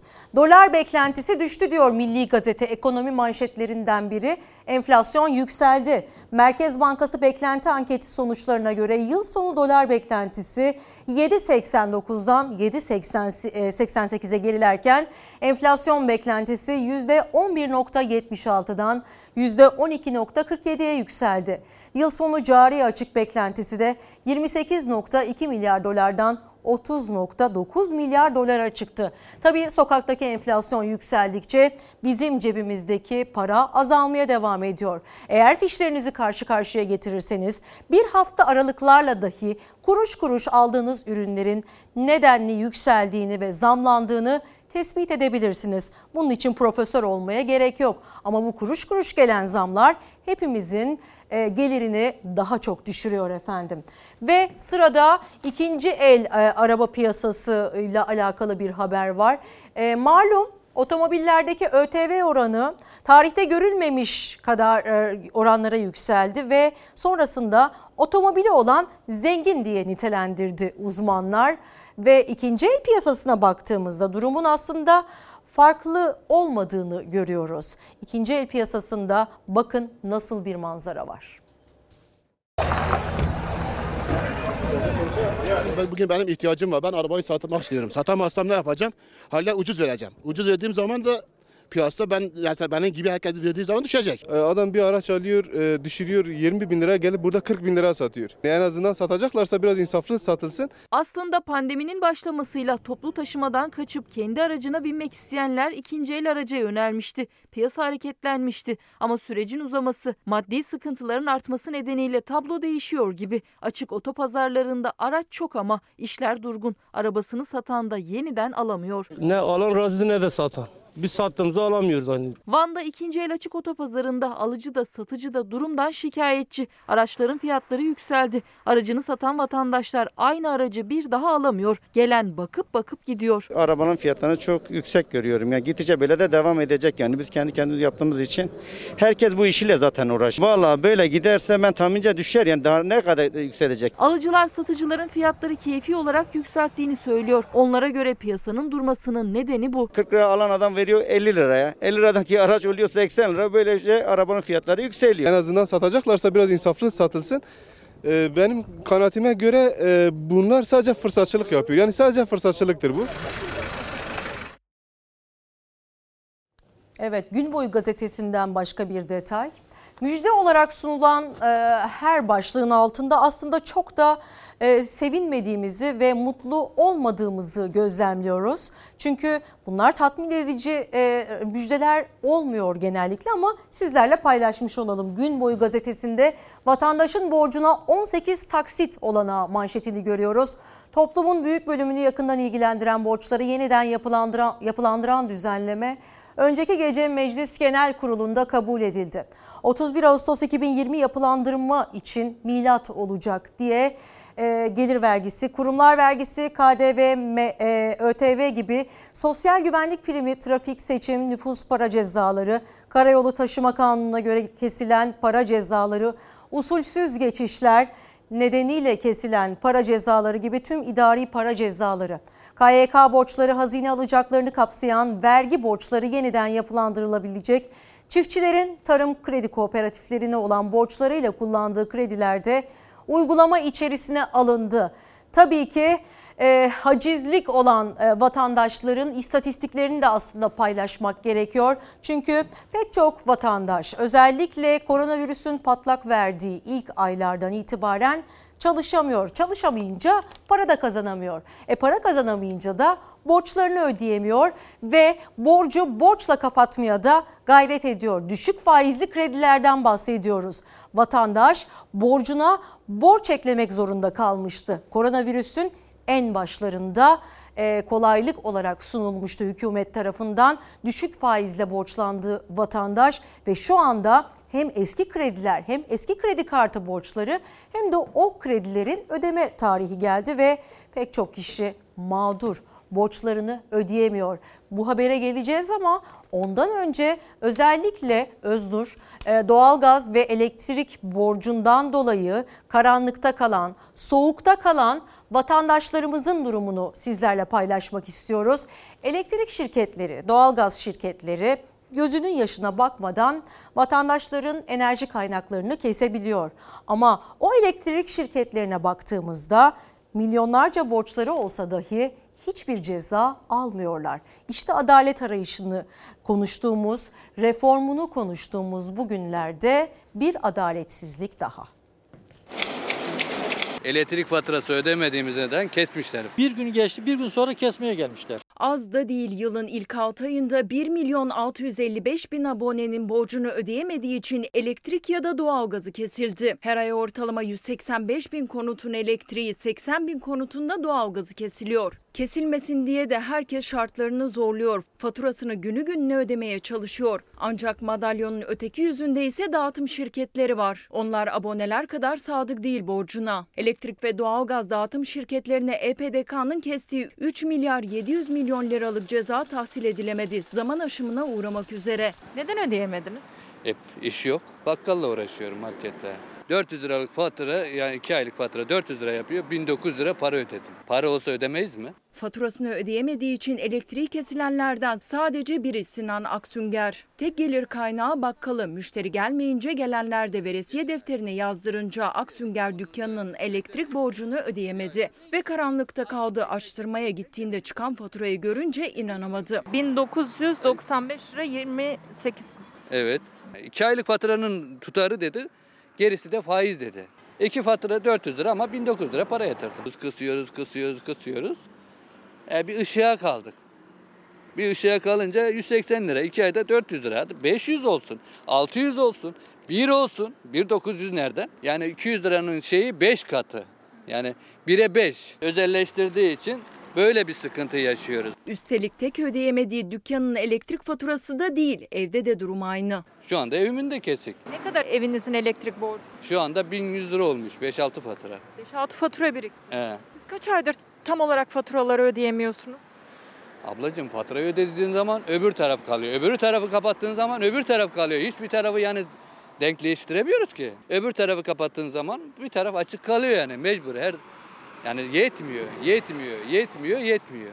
Dağıtım şirketleri kendi tahsilatı noktasında hiç affetmiyor. Faturasını ödeyemeyenin elektriğini, doğalgazını kesiyor. Aynı şirketler sıra devlete olan borcunu ödemeye geldiğinde ise ödemiyor, bekliyor. Ta ki zaman aşımına uğrayana kadar. Bunları özelleştirdikleri için bizim tepemize biniyoruz. Sayıştay raporuna da yansıyan EPDK'nın kestiği yaklaşık 4 milyar liralık borç zaten mevzuata aykırı davranmaları nedeniyle kesildi şirketlere. Yani o şirketler hem üstüne düşeni yapmıyor hem de kesilen cezadan kaçıyor. Ödeyebiliyor musunuz?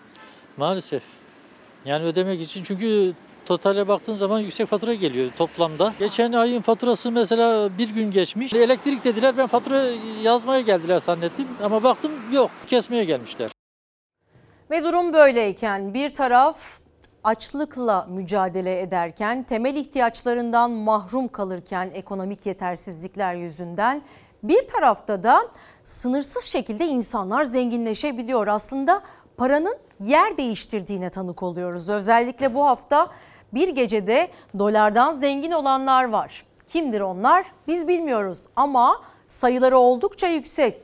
Gayrimenkul satışı 10 ayda 2 milyonu aşmış efendim. Tapu ve Kadastro Genel Müdürlüğü'nce yurt genelinde yılın 10 ayında satış işlemi yapılan gayrimenkul sayısı 2 milyon 241 bin 850'ye ulaştı.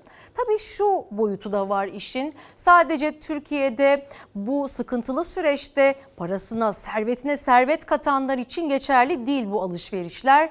Özellikle yabancılar için çok cazip ve ucuz bir ülke olduğu için Türkiye, Türk lirası tarihin en düşük seviyesinde olduğu için e, onlara bedava geliyor bizim evlerimiz. Belki biz almak için yıllarımızı harcayabiliriz. E, kredi borçlarına batabiliriz ama onlar için çok ama çok kolay. E, sosyal medyada iki hafta önce yanlış hatırlamıyorsam e, 4 euro ile hesap ödeyen, bozuk parayla hesap ödeyen bir e, vatandaş vardı, bir yabancı turist vardı. Çok konuşulmuştu. İşte paramızın değersizliğini gösteren ufacık bir manzaraydı bu. Ve Yeni Çağ gazetesinde güven kaybı dengeleri sarsıyor haberini görüyoruz. İyi Parti milletvekili İsmail Tatlıoğlu Kalkınma Politikaları Başkanı Ümit Özlale ve Ekonomi Politikaları Başkanı Erhan Usta ekonomik ve siyasi krizi böyle yorumladı. Dolu hazineyi boşalttılar, krediyi boşa harcamasınlar, yatırımcı güven duymuyor dendi. Hazinenin içeride ve dışarıda tefecinin eline düştüğünü savundu Tatlıoğlu ve Erdoğan iktidara geldiğinde dolu bir hazine ve merkez bankası devraldı. Giderken ikisi de boş halde bırakılıyor diye sözlerine devam etti. Hükümetin piyasalara faiz artıracağı sinyali verdikten sonra dövizin düşüşe geçtiğini vurguladı Erhan Usta ve piyasa Erdoğan'ı dize getirdi. Bu kredinin boşa harcanmaması gerekir diye konuştu. Ümit Özdağ'le de ekonominin dövizle faiz arasında sıkıştığını belirtti ve yatırımcı ülkeye güvenip yatırım yapmıyor. Çünkü önünü göremiyor, risk faktörünü düşürmek şart ifadesini kullandı. Güvenin olmazsa olmazı da aslında adil bir ülke olmasıdır. Yabancı yatırımcının esasında uzmanlara göre baktığı bir meselede o ülkenin insanların mutlu olup olmadığıdır. O ülkede adaletin olup olmadığıdır. Ama ne yazık ki biz 2020 yılında hatta 2021'e girerken halen adalet ve ekonomi reformunu konuşuyoruz. Acı reçetelerle acaba kimin ağzı yanacak diye tartışıyoruz. Ve tabii ki bunun da cevabını hepimiz biliyoruz. Ve acı reçetelerden, adaletsizliklerden biri Sözcü gazetesinde göreceksiniz detayı. Babamın hakkını verin. Küçücük bir çocuk. Onda bıraktığı travmaları tahmin dahi edemeyeceğiz. Ve direnen işçilere destek veren Ömer, babam parkta yatarken benim gözüme uyku gö- e, girmiyor dedi. Ömer yelek giyip madencilere destek verdi. Ermenek'te eylem yapan madencilerden Ali Selvi'nin 9 yaşındaki oğlu Ömer paramız olmadığı için babam harçlık, harçlık veremiyor diye sözlerine devam etti. Tazminat ve maaşları için aylardır direnen Somalı ve Ermenekli madenciler yeniden Ankara'ya yürüyüş kararı aldı. Madencilere sanatçılar da destek verdi. O mahalecilerden Ali Selvi'nin oğlu Ömer'in isyanı ise işçilerin dramını gözler önüne serdi. Hiç kimsenin bu çocuklara bu travmayı yaşatmaya hakkı yok. Bu mücadele eden insanlara bu eziyeti yapmaya hakkı yok. Somalı madenciler, Ermenekli madenciler halen adalet arıyor.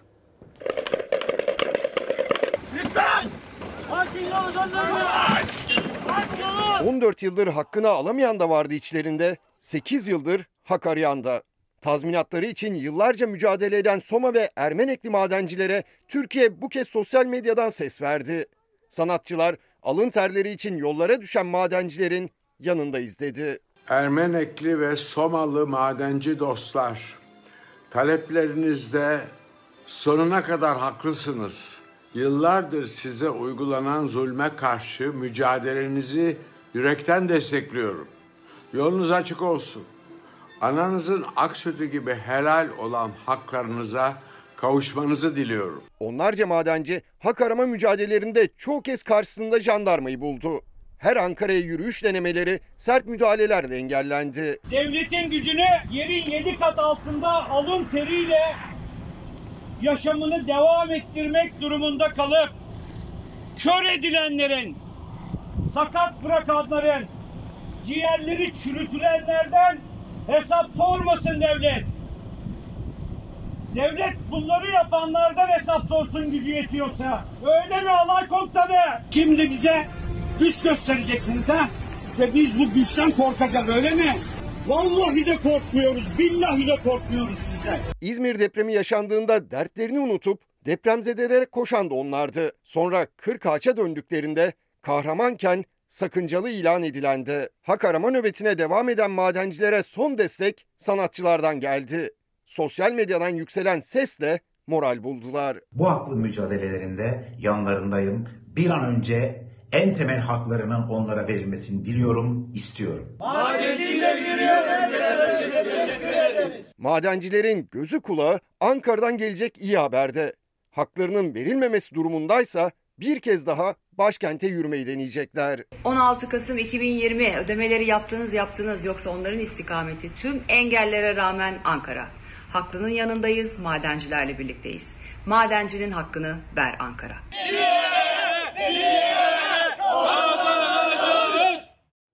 Bu ülkede 3 sanatçı yok. Türkan Şoray, Genco Erkal ya da Öykü Serter. Ee, sadece üç ünlü yok bu ülkede. Hepimizin, e, tüm sanatçılarımızın, tüm aydınların bu gibi meselelerde daha fazla e, seslerini duyurması gerektiğini düşünüyorum vatandaşların. Şimdi kısa bir ara vereceğiz efendim. Bu esnada size bir çay kahve yapma molası olsun. Belki kahvaltılarınızı e, yapmaya başlamışsınızdır. Belki yeni kuruyorsunuzdur. Ama en azından tadımız kaçmasın diyerek ufak bir reklam arası veriyoruz ve dönüşte buradayız. Önemli haberlerimiz var. Saat 10.29. Bugün günlerden cumartesi ve tarih 14 Kasım 2020. Artık kış mevsiminin aslında yavaş yavaş geldiğini ve geciktiğini konuşurken ee, biraz daha soğumaları hissedebiliyoruz. En başta bizim manzaramızla buluşturmak isteriz efendim sizleri. Sabahlarınız her zaman aydın olsun. Gösteriyor muyuz İrfancığım? Evet. Burası İstanbul Kazlıçeşme mevki ve İstanbul'da bugün biraz daha serin bir hava var geçtiğimiz günlere e, kıyasla ve bugün yağmur bekliyor meteoroloji.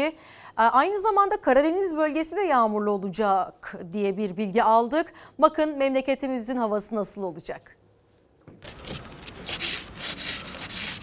Batıda göz, doğudaysa adım adım yaklaşan kış var. Kars'ta derelerin ve süs havuzlarının yüzeyleri buzlanmaya başladı bile. Yüksek yerlerdeki kar ve soğuk şehir merkezlerine şimdilik kırağı olarak indi. Hakkari'nin Yüksekova ilçesinde sonbahar ve kış aynı anda görülebiliyor. Erzincan'ın Üzümlü ilçesinde kırağı tutan bitkiler inanılmaz bir görüntü oluşturdu. Meteoroloji Genel Müdürlüğü Batı'yı özellikle de İstanbul'u sağanak yağışa karşı uyardı. Marmara'nın güney ve doğusuyla Edirne ve Kırklareli'nin doğusunun sağanak yağışı geçeceği tahmin ediliyor. İstanbul sabah saatlerinde yoğun yağış alabilir. Bunun dışında bölge parçalı ve çok bulutlu. Karadeniz'de Sinop dışında sağanak yağış bekleniyor. Yurdun geri kalanı genellikle az bulutlu ve açık ancak bölgesel yağışlar var. Ege'de Kütahya ve Afyon, Akdeniz'in batısı, İç Anadolu'nun kuzeybatısı sağanak yağış alacak. Hava sıcaklığında önemli bir değişiklik olmayacak. Mevsim normalleri civarında seyredecek. Rüzgarın genellikle güneyli, batı bölgelerde kuzeyli yönlerden hafif, ara sıra orta kuvvetli eseceği tahmin ediliyor. Sami Tavukçu diyor ki ne olacak bu ülkenin hali? Zamda zam, her şeye zam, asgari ücrete gelince simit neyinize yetmiyor söylemlerinden çok yorulduk artık e, diye e, kendisini hissettiklerini dile getiren izleyicilerimizden biri. Asgari ücretle çalışıyoruz. Devletin kasasında para kalmadığı belli. Pandemiden dolayı alınan rapor ücretlerini bile yatıramadılar. Daha ülke bitik durumda borcu borçla kapatmaya çalışıyoruz diyor başka bir izleyicimiz. Ve e, Çorlu tren kazasında ölenlerin ailelerinin adaleti ne olacak? Bunu da konuşalım diyenlerden biri var. O kadar çok aslında yarım kalan adaletin tecelli etmediği meselemiz var ki adaleti konuşmamız gerekirken reformu, adalet reformundan bahsederken önce bu konuları e, kapatmamız ve e, hakkını teslim etmemiz gerekiyor. Ve Sebahattin Bey diyor ki parasız insan gereksiz insan mantığı var bence bu ülkede diyor. Bu arada e, Moody's Kredi Derecelendirilme Kuruluşu bir e, açıklama yaptı ve Türkiye için aslında iyi bir tablo olmadığını e, görüyoruz. Birazdan vereceğim verileri ve aynı zamanda salgından zarar gören tüm ekonomiler bir şekilde toparlanmaya çalışıyor. Amerika Birleşik Devletleri'nde e, Biden'ın e, aslında ilk icraatının ekonomideki enflasyondaki düzenlemeler olacağı açıklandı. Ve e, ülkemize baktığımızda aslında genç işsizlik oranının daha da yükseldiğine tanıklık ediyoruz. Örneğin genç işsizlik bir yılda %19 oranında arttı ki bu oran e, pek çok sendikaya ve konfederasyonlara göre çok daha yüksek. Tabii ki çalışan işsizler de var. Çalıştığı halde hakkını alamayan işsiz vatandaşlardan bahsediyoruz. Ama onlar için de dileriz ki hayat e, daha adil, daha e, yaşanabilir bir yer olarak önümüzdeki süreçte e, olur. Bu arada okullar ilk ara tatile girdi. Bir hafta kadar öğrenciler online eğitim de almayacaklar. 25 Ocak 2021'de yeni eğitim ve öğretim yılı e, başlayacak. Tabii ki öğrencilere, öğrenci arkadaşlarımıza, tüm eğitimcilerimize iyi yıllar dilemekten başka bir şey gelmiyor elimizden. Çünkü eğitim şu anda bütün dünyada sekteye uğramış vaziyette. Bir şekilde Milli Eğitim Bakanı online e, e, derslerle açığı kapatmaya çalışırken burada da bir fırsat eşitsizliğinin konuşulması gerektiğini düşünüyoruz tabii ki. Tableti olmayan öğrencilerimiz, hatta erişim engeli olan, televizyonu bile olmayan öğrencilerimiz için adaletsiz bir durum. Şimdi efendim gelelim Türkiye'nin ve dünyanın en mühim meselesi ve değişmeyen gündem maddesine. Türkiye koronavirüste çıkmaza girmek üzere ve işler çığırından çıkmış vaziyette. Avrupa ülkelerinde kısıtlamalar yeniden başladı ve aslında vaka oranları, ölüm oranlarının ne kadar yüksek olduğunu bizlerle paylaştıkları için biliyoruz. Ülkede bizim ülkemizde yeteri kadar e, güven olmadığı için verileri bilemiyoruz tam olarak net rakam ama İstanbul Tabipler Birliği'nin söylediğine göre Ekim ayında 4 kat arttı İstanbul'daki koronavirüslü hasta sayısı. Ekim ayından e, Kasım ayına geldiğimizde 15 bin civarı olduğu tahmin ediliyor sadece İstanbul'daki vaka sayısının. İzmir'de deprem sonrası e, malum kalabalıklar sonrası vaka sayıları çok artmış durumda. Yoğun bakım üniteleri tamamen dolu ve test kuyruklarında insanlar bulaş riskini daha da yüksek oranlara taşıyor. Bir devlet hastanesinin bahçesine girdiğinizde zaten akın akın koronanın yayıldığını hissedebilirsiniz. Yolunuzun düşmemesini temenni ediyoruz ama bakın vaziyet ne durumda? İstanbul'da durum korkunç. Sözün bittiği yerdeyiz demek istiyorum. Bir adım öteye gittiğimizde İtalya'nın başlangıçtaki dönemine gideceğiz. Kral çıplak diyorum. Acilen İstanbul için söylüyorum. 14 gün karantina süreci acilen başlamalı. Çünkü bu iş artık zıvanadan çıktı, kontrolden çıktı. Doktorlar her zamankinden denet cümleler kuruyor artık. Başta İstanbul olmak üzere koronavirüs vakalarında çok ciddi artış yaşanıyor. Hastaneler sınırlarını zorluyor. Tedbirlerse uzmanlara göre yetersiz. Koronavirüs şu anda Mart ve Nisan ayından daha fazla şekilde kontrolden çıkmış durumda. Hani bir ara İngiliz Başbakanı dedi ya doğal bağışıklığa bıraktım. Şu anda Türkiye'nin gittiği durum bu. Maalesef önlemler alınmıyor ve geç kalınıyor. Yoğun bakımlar tamamen dolu. Çok açık ve net söyleyeyim.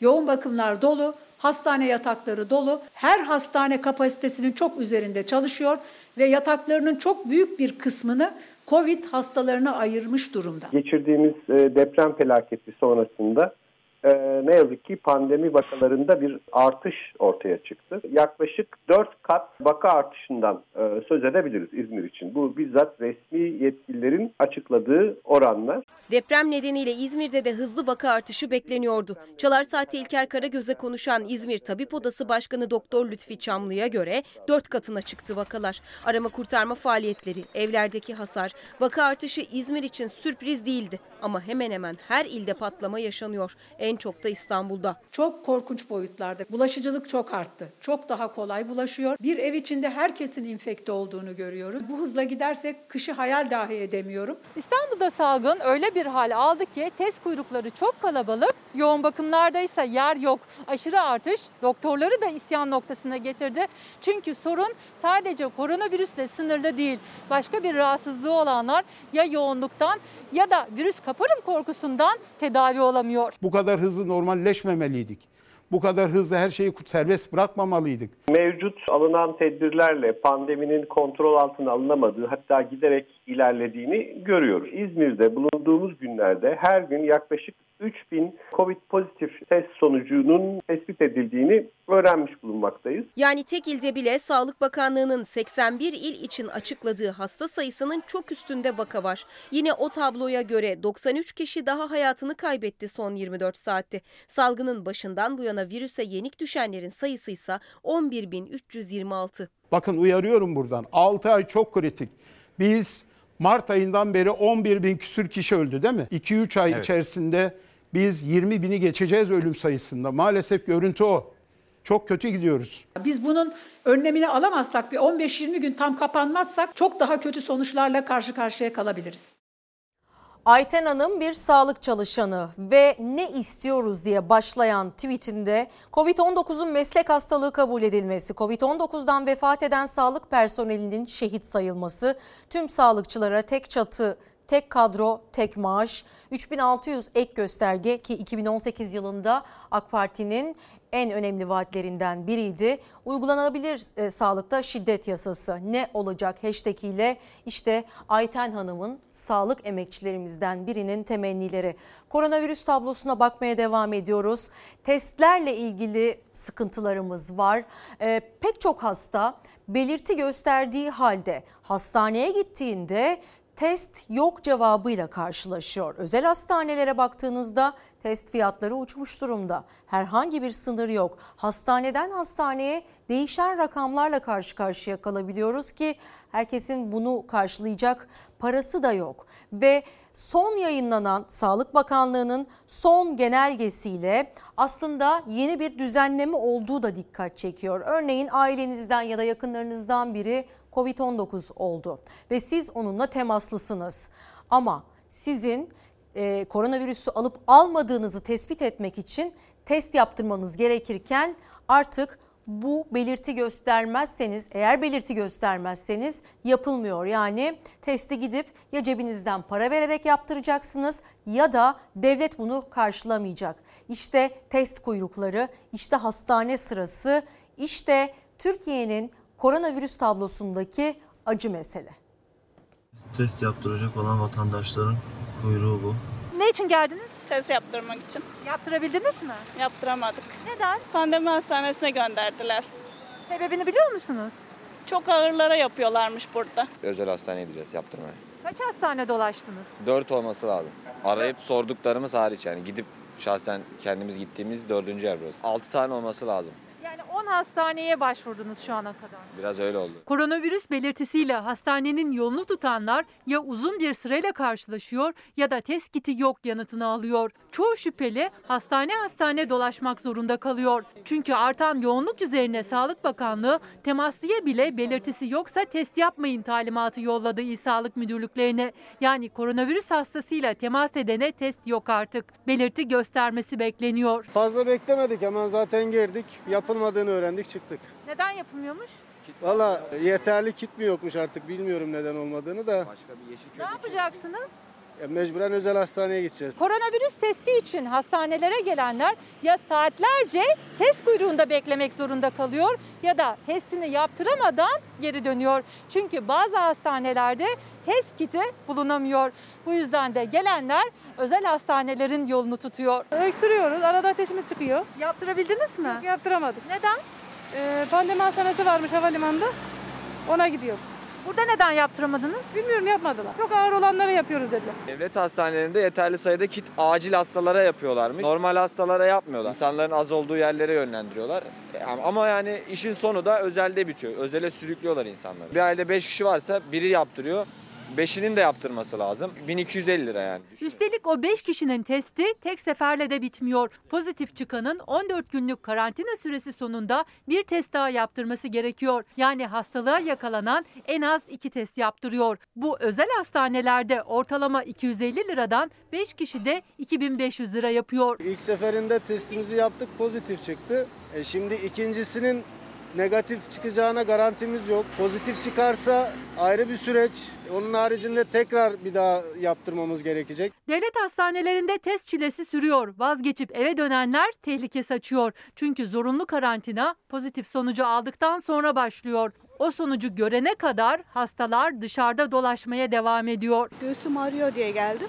Testimi yaptırdım eve gidiyorum. Kalabalık mı? Çok kalabalık. Sıra sıra çok var. Şimdi yaptıramadan geri mi dönüyorsun? Ben şimdi burada beklesem normalde tam Covid olmayan bir de burada Covid olur. Kalabalık mı? Dönenköy Covid sırası her yerde kuyruk var. E, atanamayanlardan pek çok mesaj geldi bu sabah. %70'e takılıp kadro alamayan taşeronların durumundan bahsediyor Kamil Bey. Kamil Emirdağ onun tweetini okumuş olalım. E, veteriner hekim ve uzman mühendislerimiz uzun zamandır kamu kamuda istihdam edilmek için bekliyorlar. E, seslerini duyurmak isteyen bir kitlede e, veteriner hekimler ve e, mühendisler, ziraat mühendisleri geçtiğimiz hafta benden söylemesi programında onlardan bahsetmiştik. Herkes öğretmenlerden, sağlıkçılardan bahsediyor fakat bizim adımız anılmıyor. Tarım bu kadar değersiz mi diye sorgulayan bir izleyicimiz ki tarım şu an dünyanın aslında en değerli olan e, unsuru ve biz bu dünyada sadece ve sadece temel ihtiyaçlarımız için e, çalıştığımızı fark ettik. Bu pandemi sürecinin öğrettiklerinden biri de bu ve tarım stoğumuzun olması, tarım stoğumuzun yeterli seviyelerde tutulması, çiftçimizin de aynı şekilde emeğinin karşılığını alabilmesi çok önemli. Tarım teşvikleri biliyorsunuz çok geç açıklanıyor e, ülkemizde ve çiftçiler çok mağdur durumdalar ve ürünlerinin kendilerinden çıkışıyla tezgaha gelişi arasında dağlar kadar fark var. Aracılar aslında e, bu işin kaymağını yiyor ama o kaymağını yiyenlerin de kimler olduğunu yıllardan beri Türkiye'de hiç kimse dile getiremedi açık açık. Keşke bu gibi düzensizlikler de çözülebilse adalet arayışımızda. Ve KYK borçlarının faizlerinin silinmesi adına verilen sözler ne olacak diyen öğrenci bir arkadaşımız Ünal. Ne olacak diyor KYK borçların malum e, Türkiye'de pek çok öğrenci milyonlarca öğrenci hayatı aslında 1-0 yenik borçlu başlıyor.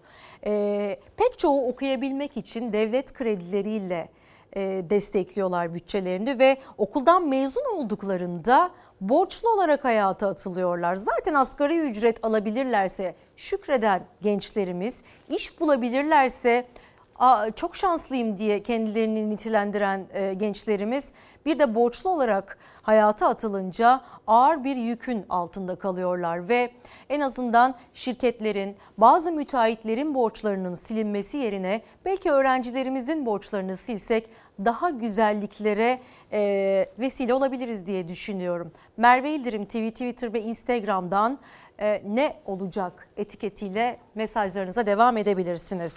Ve koronavirüsle devam ederken bir de işin endişe verici boyutlarından bahsedelim. E, koronavirüs tablosunda baktığımızda tabii ki e, çok zor ve sıkıntılı bir süreçten geçiyor. Hem sağlıkçılarımız hem hastanelerimiz. Ama işin diğer boyutu da başka hastaların, başka hastaların ve başka hastalıkların da olduğu boyutu. Özellikle kronik hastalar ve e, kanser hastaları tedavilerine ara vermek durumunda kaldı. Bakın işler nasıl çıkmaza sürükleniyor. Herkese acil şifalar diliyoruz tabii ki. Hep yukarıda çenemiz. Covid'den kaçınalım diye bu hastalarımızın tedavi almaktan vazgeçmesini istemiyoruz. Gitmediniz mi doktor kontrollerine salgında? Yok. Neden? Korkudan hastanelerden. Peki doktorlar ne diyor bu duruma? Valla doktorlar gelin diyor da işte Ne zaman gideceksiniz kontrole? hastalık bitince. Erken teşhisin önemli olduğu kanser başta olmak üzere takibi önemli birçok hastalık koronavirüs nedeniyle ihmal ediliyor. Doktorlar uyardı. Virüsten kaçarken başka hastalıklara yakalanmayın. Çünkü hastalıklar ilerleyebilir. Evde tedavi mümkünken hastaneye yatış gerekebilir. Ancak giderek artan vakaların bir başka acı tablosu da özel hastanelerde bile artık yer bulmak zor. Covid'e karşı mücadele veren doktorlardan göğüs hastalıkları uzmanı Profesör Doktor Bülent Tutluoğlu açıkladı. İstanbul'da durum çok sıkıntılı. Covid'li hastalar hastane hastane dolaşıp yer arıyorlar. Özel hastanelerde bile yatış sıraları olmaya başladı. Solunum yetmezliğinde doktor bir arkadaşımıza 24 saattir yatak ayarlanamadı. Ben bunu yaşadım. Bir e, yakın bir arkadaşım ameliyat olacaktı guatr. İki gün hastanede yattı ve geri gönderdiler. Covid'den dolayı geri gönderdi. Bu ne olacak? İleride başka sorunlara yol açacak. Çünkü bu erteleniyor. Sağlık ertelenir mi sizce?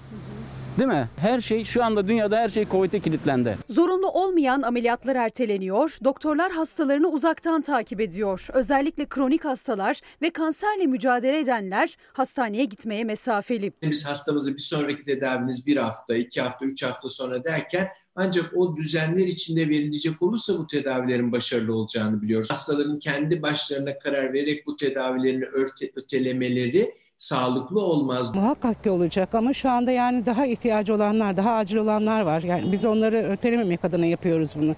Bir şekilde ilaçtan kontrol altına alıyoruz. Bugün aldım randevu haftaya perşembeye gideceğim. Endişeli oldukları için başka hastalıkların belirtilerini görmezden gelenler, rutin kontrollerine gitmeyenler var. Türk Tıbbi Onkoloji Derneği de hastanelerin koronavirüs bölümlerinin ayrı olduğunu, geri kalan bölümlerde risk bulunmadığını hatırlattı. Onkoloji servislerinin girişleriyle COVID hastaları şüphesi olanların testlerin yapıldığı yerlerin girişleri birbirinden ayrı tutulmaya çalışıldı. Hastaların yattığı katlar ayrı tutulmaya çalıştı. İnsan korkuyor yani hastanedekilerini görüyorsun. Hastalık her neyse tedavisi için yol haritasını hasta değil doktorlar çizmeli. Aksi takdirde salgın bittikten sonra başka hastalıklar için çok daha ciddi mücadele gerekebilir. 3 ayda bir kontrollerim var. Salgın sürecinde ne oldu? 3 ayda bir gidebildiniz mi? Yok gidemedim. İzmir depreminin, İzmir felaketinin üzerinden çok az bir süre geçti. Unuttuk zannetmeyin. Sadece gündemin yoğunluğu dolayısıyla bu ülkede e, çok fazla gündem maddesi olduğu için e, ilk günkü kadar sıcak meseleler olmadığı için e, daha süresi kısaldı deprem haberlerinin ama bu konunun peşini bırakmamaya gayret ediyoruz. Geçmişte yaşadığımız yaraları saramamışken son yaşadığımız deprem İzmir'deki deprem milyonlarca binlerce vatandaşımızı mağdur etti.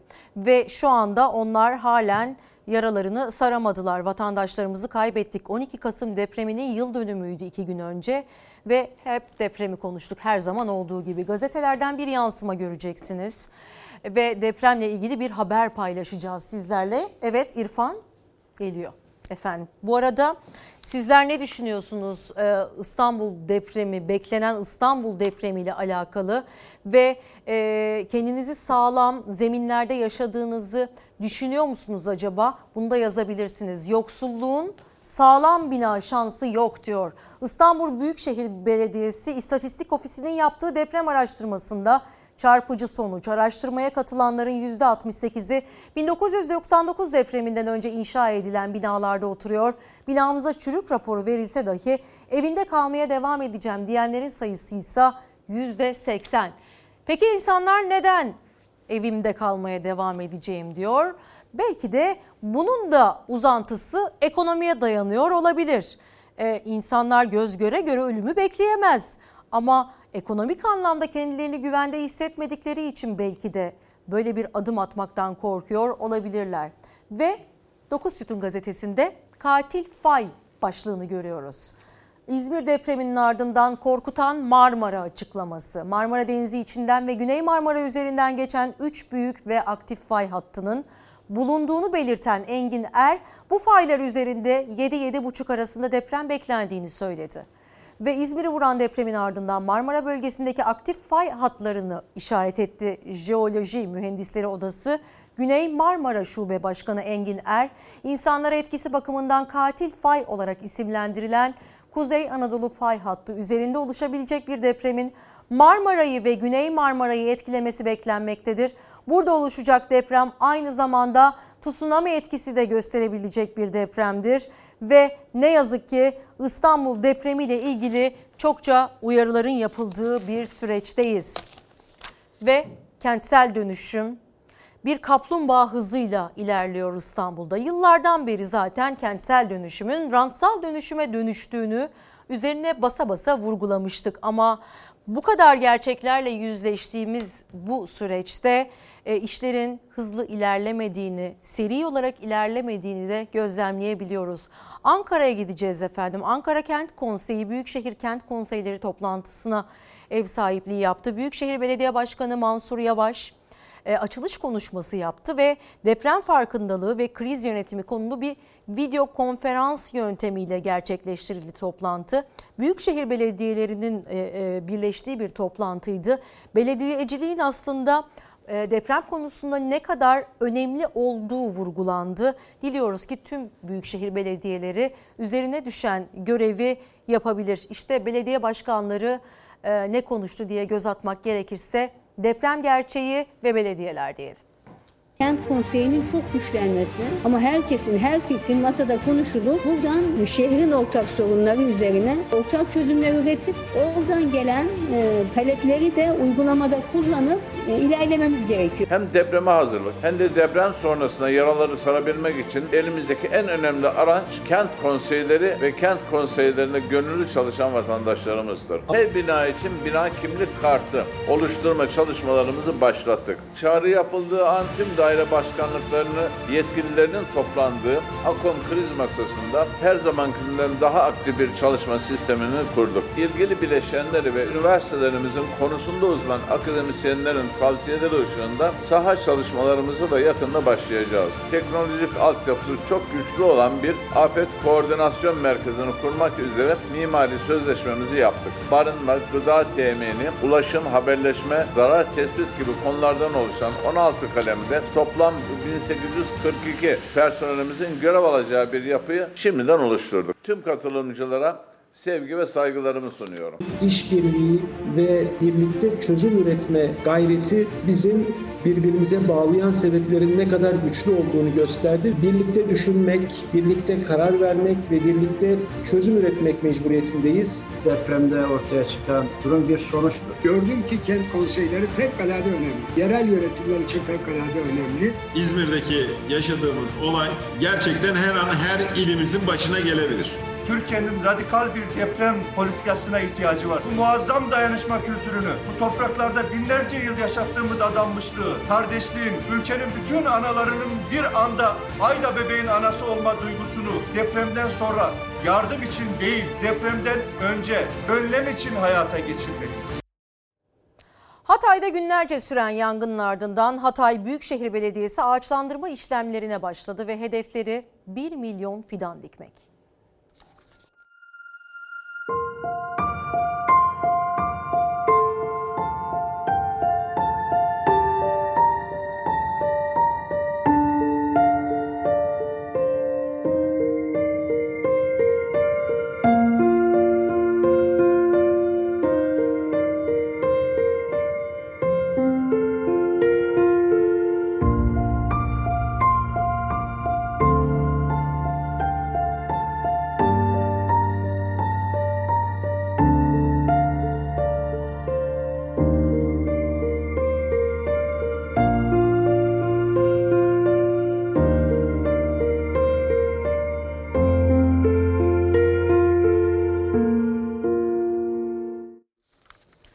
Formula 1 yarışlarının 14. etabının İstanbul'daki hazırlıkları sürüyor. Yıllar sonra yeniden böyle bir etkinliğe imza atıyor olmak e, önemli.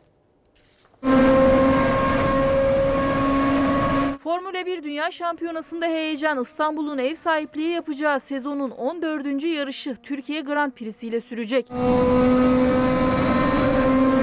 9 yıl aranın ardından yeniden Türkiye'ye gelen Formula 1 yarışında heyecan artıyor. Cumhurbaşkanlığı himayelerinde İstanbul'da düzenlenecek yarışların tanıtım çekimleri 15 Temmuz Şehitler Köprüsü'nde yapıldı. Antrenman turlarını gerçekleştiren pilotlar sıralama turu için piste iniyor. Tüm dünyada milyonlarca insanın ilgiyle takip ettiği dev organizasyon. Aynı zamanda sezonun 14. etabı İstanbul yarışı koronavirüsü önlemleri çerçevesinde seyircisiz olarak düzenleniyor. Dev yarış yarın yani 15 Kasım Pazar günü saat 13.10'da başlayacak.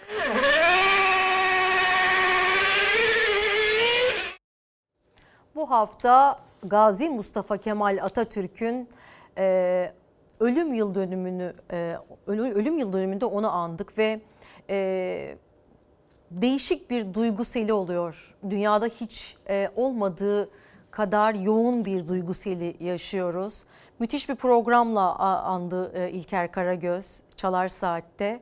E, hepimiz duygulandık ve hepimiz e, saat 9'u 5 geçe e, atamıza saygı duruşundaydık. Ve e, onun için Yiğidim Aslanım şarkısını tekrar dinlemek istiyoruz. Bu topraklar için kan döken, tüm kaybettiğimiz, farklı dönemlerde kaybettiğimiz tüm şehitlerimiz için gelsin. Ve bir kez daha Gazi Mustafa Kemal Atatürk'ü bu haftayı kapatmadan anmış olalım. Ufak,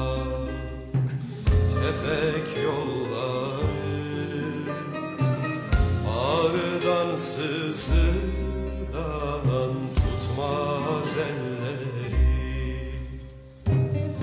Tepeden tırnağa şiir gülleri. Yiğidim aslanım